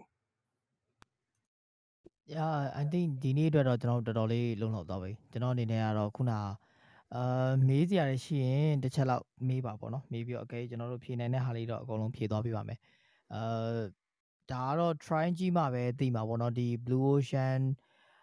အာ blue ocean red ocean ဒီ strategy တို့ဘာလို့ဆိုတာကျွန်တော်တို့ကအရန်ကို public public publicly publicly ကျွန်တော်တို့ကအမှလုတ်ထုတ်ထားပြီးသားဟာအများကြီးရှိထားပြီးသားဆိုတော့လူတိုင်းအနေနဲ့ဒါတွေဖတ်ထားဘူးသားလုပ်ထားပြီးသားဒါပေမဲ့ it's not that easy ပေါ့နော်ဆိုတော့ခက်ခဲလားဆိုလို့ရှင်ခက်ခဲပါတယ် fail ဖြစ်နိုင်လားဆိုလို့ရှင်ဖြစ်နိုင်ပါတယ် rate ကများလားဆိုလို့ရှင်များပါတယ် fail ဖြစ်နိုင်ကျွန်တော်အောင်မြင်တဲ့ program တွေပဲမြင်နေ company တွေပဲမြင်နေတဲ့ကြောင့် fail ဖြစ်တဲ့ဟာမျိုးတွေကျွန်တော်တို့မကြည့်ဖြစ်တာများပါအဲ့တော့ ဒီလို blue ocean strategy ပန်သုံးနေရသားနဲ့အဲ့လိုမျိုးကျွန်တော်ပြောနေတာလုံနေရသားနဲ့ fail ဖြစ်တဲ့ဟာတွေလည်းမရှိဘူးတော့မဟုတ်ရှိတယ်ဆိုတော့ခုနပြောလို့ပေါ့နော် consistency တို့ persistence ရှိတာတို့ဒါမျိုးတွေလည်းအများကြီးတော့လိုသေးတာပေါ့နော် strategy ဒီ strategy သုံးတိုင်းအောင်မြင်သွားမယ်လို့တော့လည်းမဟုတ်ဘူးအဲဒါပေမဲ့အဲ့ဒီဟာအတွက်လိုအပ်တဲ့နောက်က fuel တွေဒါတွေအများကြီးတော့မရှိလို့တော့မရဘူးခုနကိုလာပြည့်လုံနေတယ်လို့ပေါ့ကိုလာပြည့်အခုတင်နေတယ်လုံတယ်သူ blue ocean strategy ကိုသူသုံးတယ် saturated ဖြစ်တဲ့ market မှာသူရောက်လို့ဒါပေမဲ့ဒါကိုသူ consistent မရှိဘဲနဲ့သူနေနေပဲဆိုလို့ရှိရင်အဲ့လိုမျိုးဖြစ်နေမှာစက်ဆက်ရှိနေမှာမဟုတ်ဘူးဒါကတော့ရှင်းရှင်းလေးပဲဆိုတော့ဒီဟာပေါ်မှာလဲ quality ကောင်းတဲ့ဟာအခုချိန်မှာဒါအခုနောက်ထပ်နောက်ထပ်ဒီပို့ပြီးတော့ခုကလပ်ပြေလောက်ခဲ့တဲ့ဥစ္စာကိုတကယ်လေ့လာပြီးတော့လုံနိုင်တဲ့လူရှိလာပြီဆိုပါတော့ခုနကလပ်ပြောသွားလေ့လာလိုက်ကြည့်လိုက် very easy to copy right ဒါပေမဲ့အဲ့လိုဆက်လုပ်ပြီးဆိုလို့ရှိရင်ဒီ ocean ကခုနပြောလို့တိုင်းတာတစ်ခုတည်း blue ocean မဟုတ်တော့ red ocean ဖြစ်လာတယ်အဲ့ခါကြလို့ရှိရင်ကိုလာပြေဘယ်လိုဆက်လုပ်မလဲဒီလိုမျိုးအခြေအနေရှိတာပေါ့နော်အဲ့တော့ဘာလို့လုပ်တယ်ဆိုတော့မိကုန်းနေအများကြီးလိုတယ်ကျွန်တော်တို့အများအားပြောသလိုပဲ start with why ပဲကိုဘာလို့လုပ်တယ်ဆိုတဲ့ဥစ္စာပေါ်မှာကြံခဲ့မှာပဲအဲ့မှာအဲ့မှာအများကြီးကွဲသွားမှာပဲအဲ့တော့တိုင်းတာတစ်ခုဒီအချိန်ပေးရလိမ့်မယ် test လုပ်ကြည့်ရလိမ့်မယ်အရင်ကြီးတွေအများကြီးပေးရလိမ့်မယ်ဆိုတော့အဲ entrepreneur ရဲ့ life က not very easy ပဲဒါကတော့ဆိုတော့ကျွန်တော်တော့အားလုံးတော့ good luck လို့ပြောချင်ပါတယ် all the best and good luck ပေါ့နော်ဆိုတော့ ကိုကိုရဲ့ကိုရဲ့ determine ဖြစ်တဲ့အတိုင်းလုံနိုင်ကြပါစေပေါ့ဒါကတော့ဆူတောင်းပေးလိုက်ပါတယ်ဟုတ်ကဲ့ပါဟုတ်ကဲ့ပါကျေးဇူးအများကြီးအများကြီးတင်ပါဒီနေ့လာ join ပြီးတဲ့လူအားလုံးရောကျွန်တော်တို့မိကုန်းတွေမေးပြီးတဲ့လူတွေ contribute လုပ်ပြီးတဲ့လူတွေနောက်ဆုံးအလုပ်ရှောက်မဲ့လူတွေလည်းဒီမှာတွေ့လာပြီဆိုတော့အားလုံးဒီနေ့အခန်းကနေပြီးတော့အများကြီးအကျိုးရှိတာတွေရသွားမယ်လို့ကျွန်တော်ယူဆပါတယ်ဆိုနောက်နေ့နောက်နေ့နောက်ခန်းနေနားထောင်ခြင်းနဲ့ဆိုလို့ရှိရင်ကျွန်တော်တို့မြန်မာ club ကိုလည်း join ထားပြီးတော့ကျွန်တော်လာပြီးနဲ့ကိုနာဆိုကိုလည်း follow လုပ်ထားပြီးပါဒီလိုနည်းအားဖြင့်ကျွန်တော်တို့လုပ်တဲ့အခန်းတွေအားလုံးကို notification ရမှာဖြစ်ပါတယ်ဆိုနောက်နေ့နောက်အခန်းတွေမှာကျွန်တော်တို့ပြန်တွေ့ကြပါမယ်ဆို Pirates Align လေးတင်ထားရဆိုတော့ထုံးစံတိုင်းနောက်ဆုံးမှာတော့ Pirates သချင်းလေးနဲ့ဆုံးပြီမယ်ပေါ့နော် so digital digital လောက digital blue sea မှာလည်းကျွန်တော်တို့သွားကျင်တယ်ဆိုလို့ရှိရင်လီလီလီကိုလောမြစ်ကိုကြော်ဖြတ်မိအကွက်တွေနဲ့တော့မရပါဘူးနော်ဆိုသူများသူများတွေတို့လှော်နေတွေတော့လှော်လို့မရဘူးကျွန်တော်တို့တစ်ခါလှေမှာစွန်စားတဲ့အရာတွေစွန်စားရမယ်ဆိုဖြတ်ချတဲ့အရာတွေဖြတ်ချပြီးတော့ ချို့လူတွေပြိုင်ဘက်တွေကို kill လုပ်တဲ့လူတွေကိုလည်း kill လိုက်မှသာကျွန်တော်တို့ကလိုချင်တဲ့ key လိုချင်တဲ့ ban နိုင်လိုချင်တဲ့ goal တွေ business တွေကိုရမှာဖြစ်တဲ့အတွက် so စီးပွားရေးမှာညီကိုမရှိဘူးတဲ့ဗျ so ဒါမင်္ဂလာဈေးတွေကလူတွေသင်ပေးလိုက်တဲ့စကားပေါ့ so အဲ့တော့ so please do please do be pirate in business so အားလုံးပဲနေကောင်းကြက်မှာချမ်းသာပြီးတော့နောက်တစ်ပတ်မှာပြန်လဲဆုံတွေ့ပါမယ်အားလုံးပဲ see you ပါ good night ပါ good night ပါကိုနာဆို good night ပါ good night guys where's the class yeah good night guys all the bus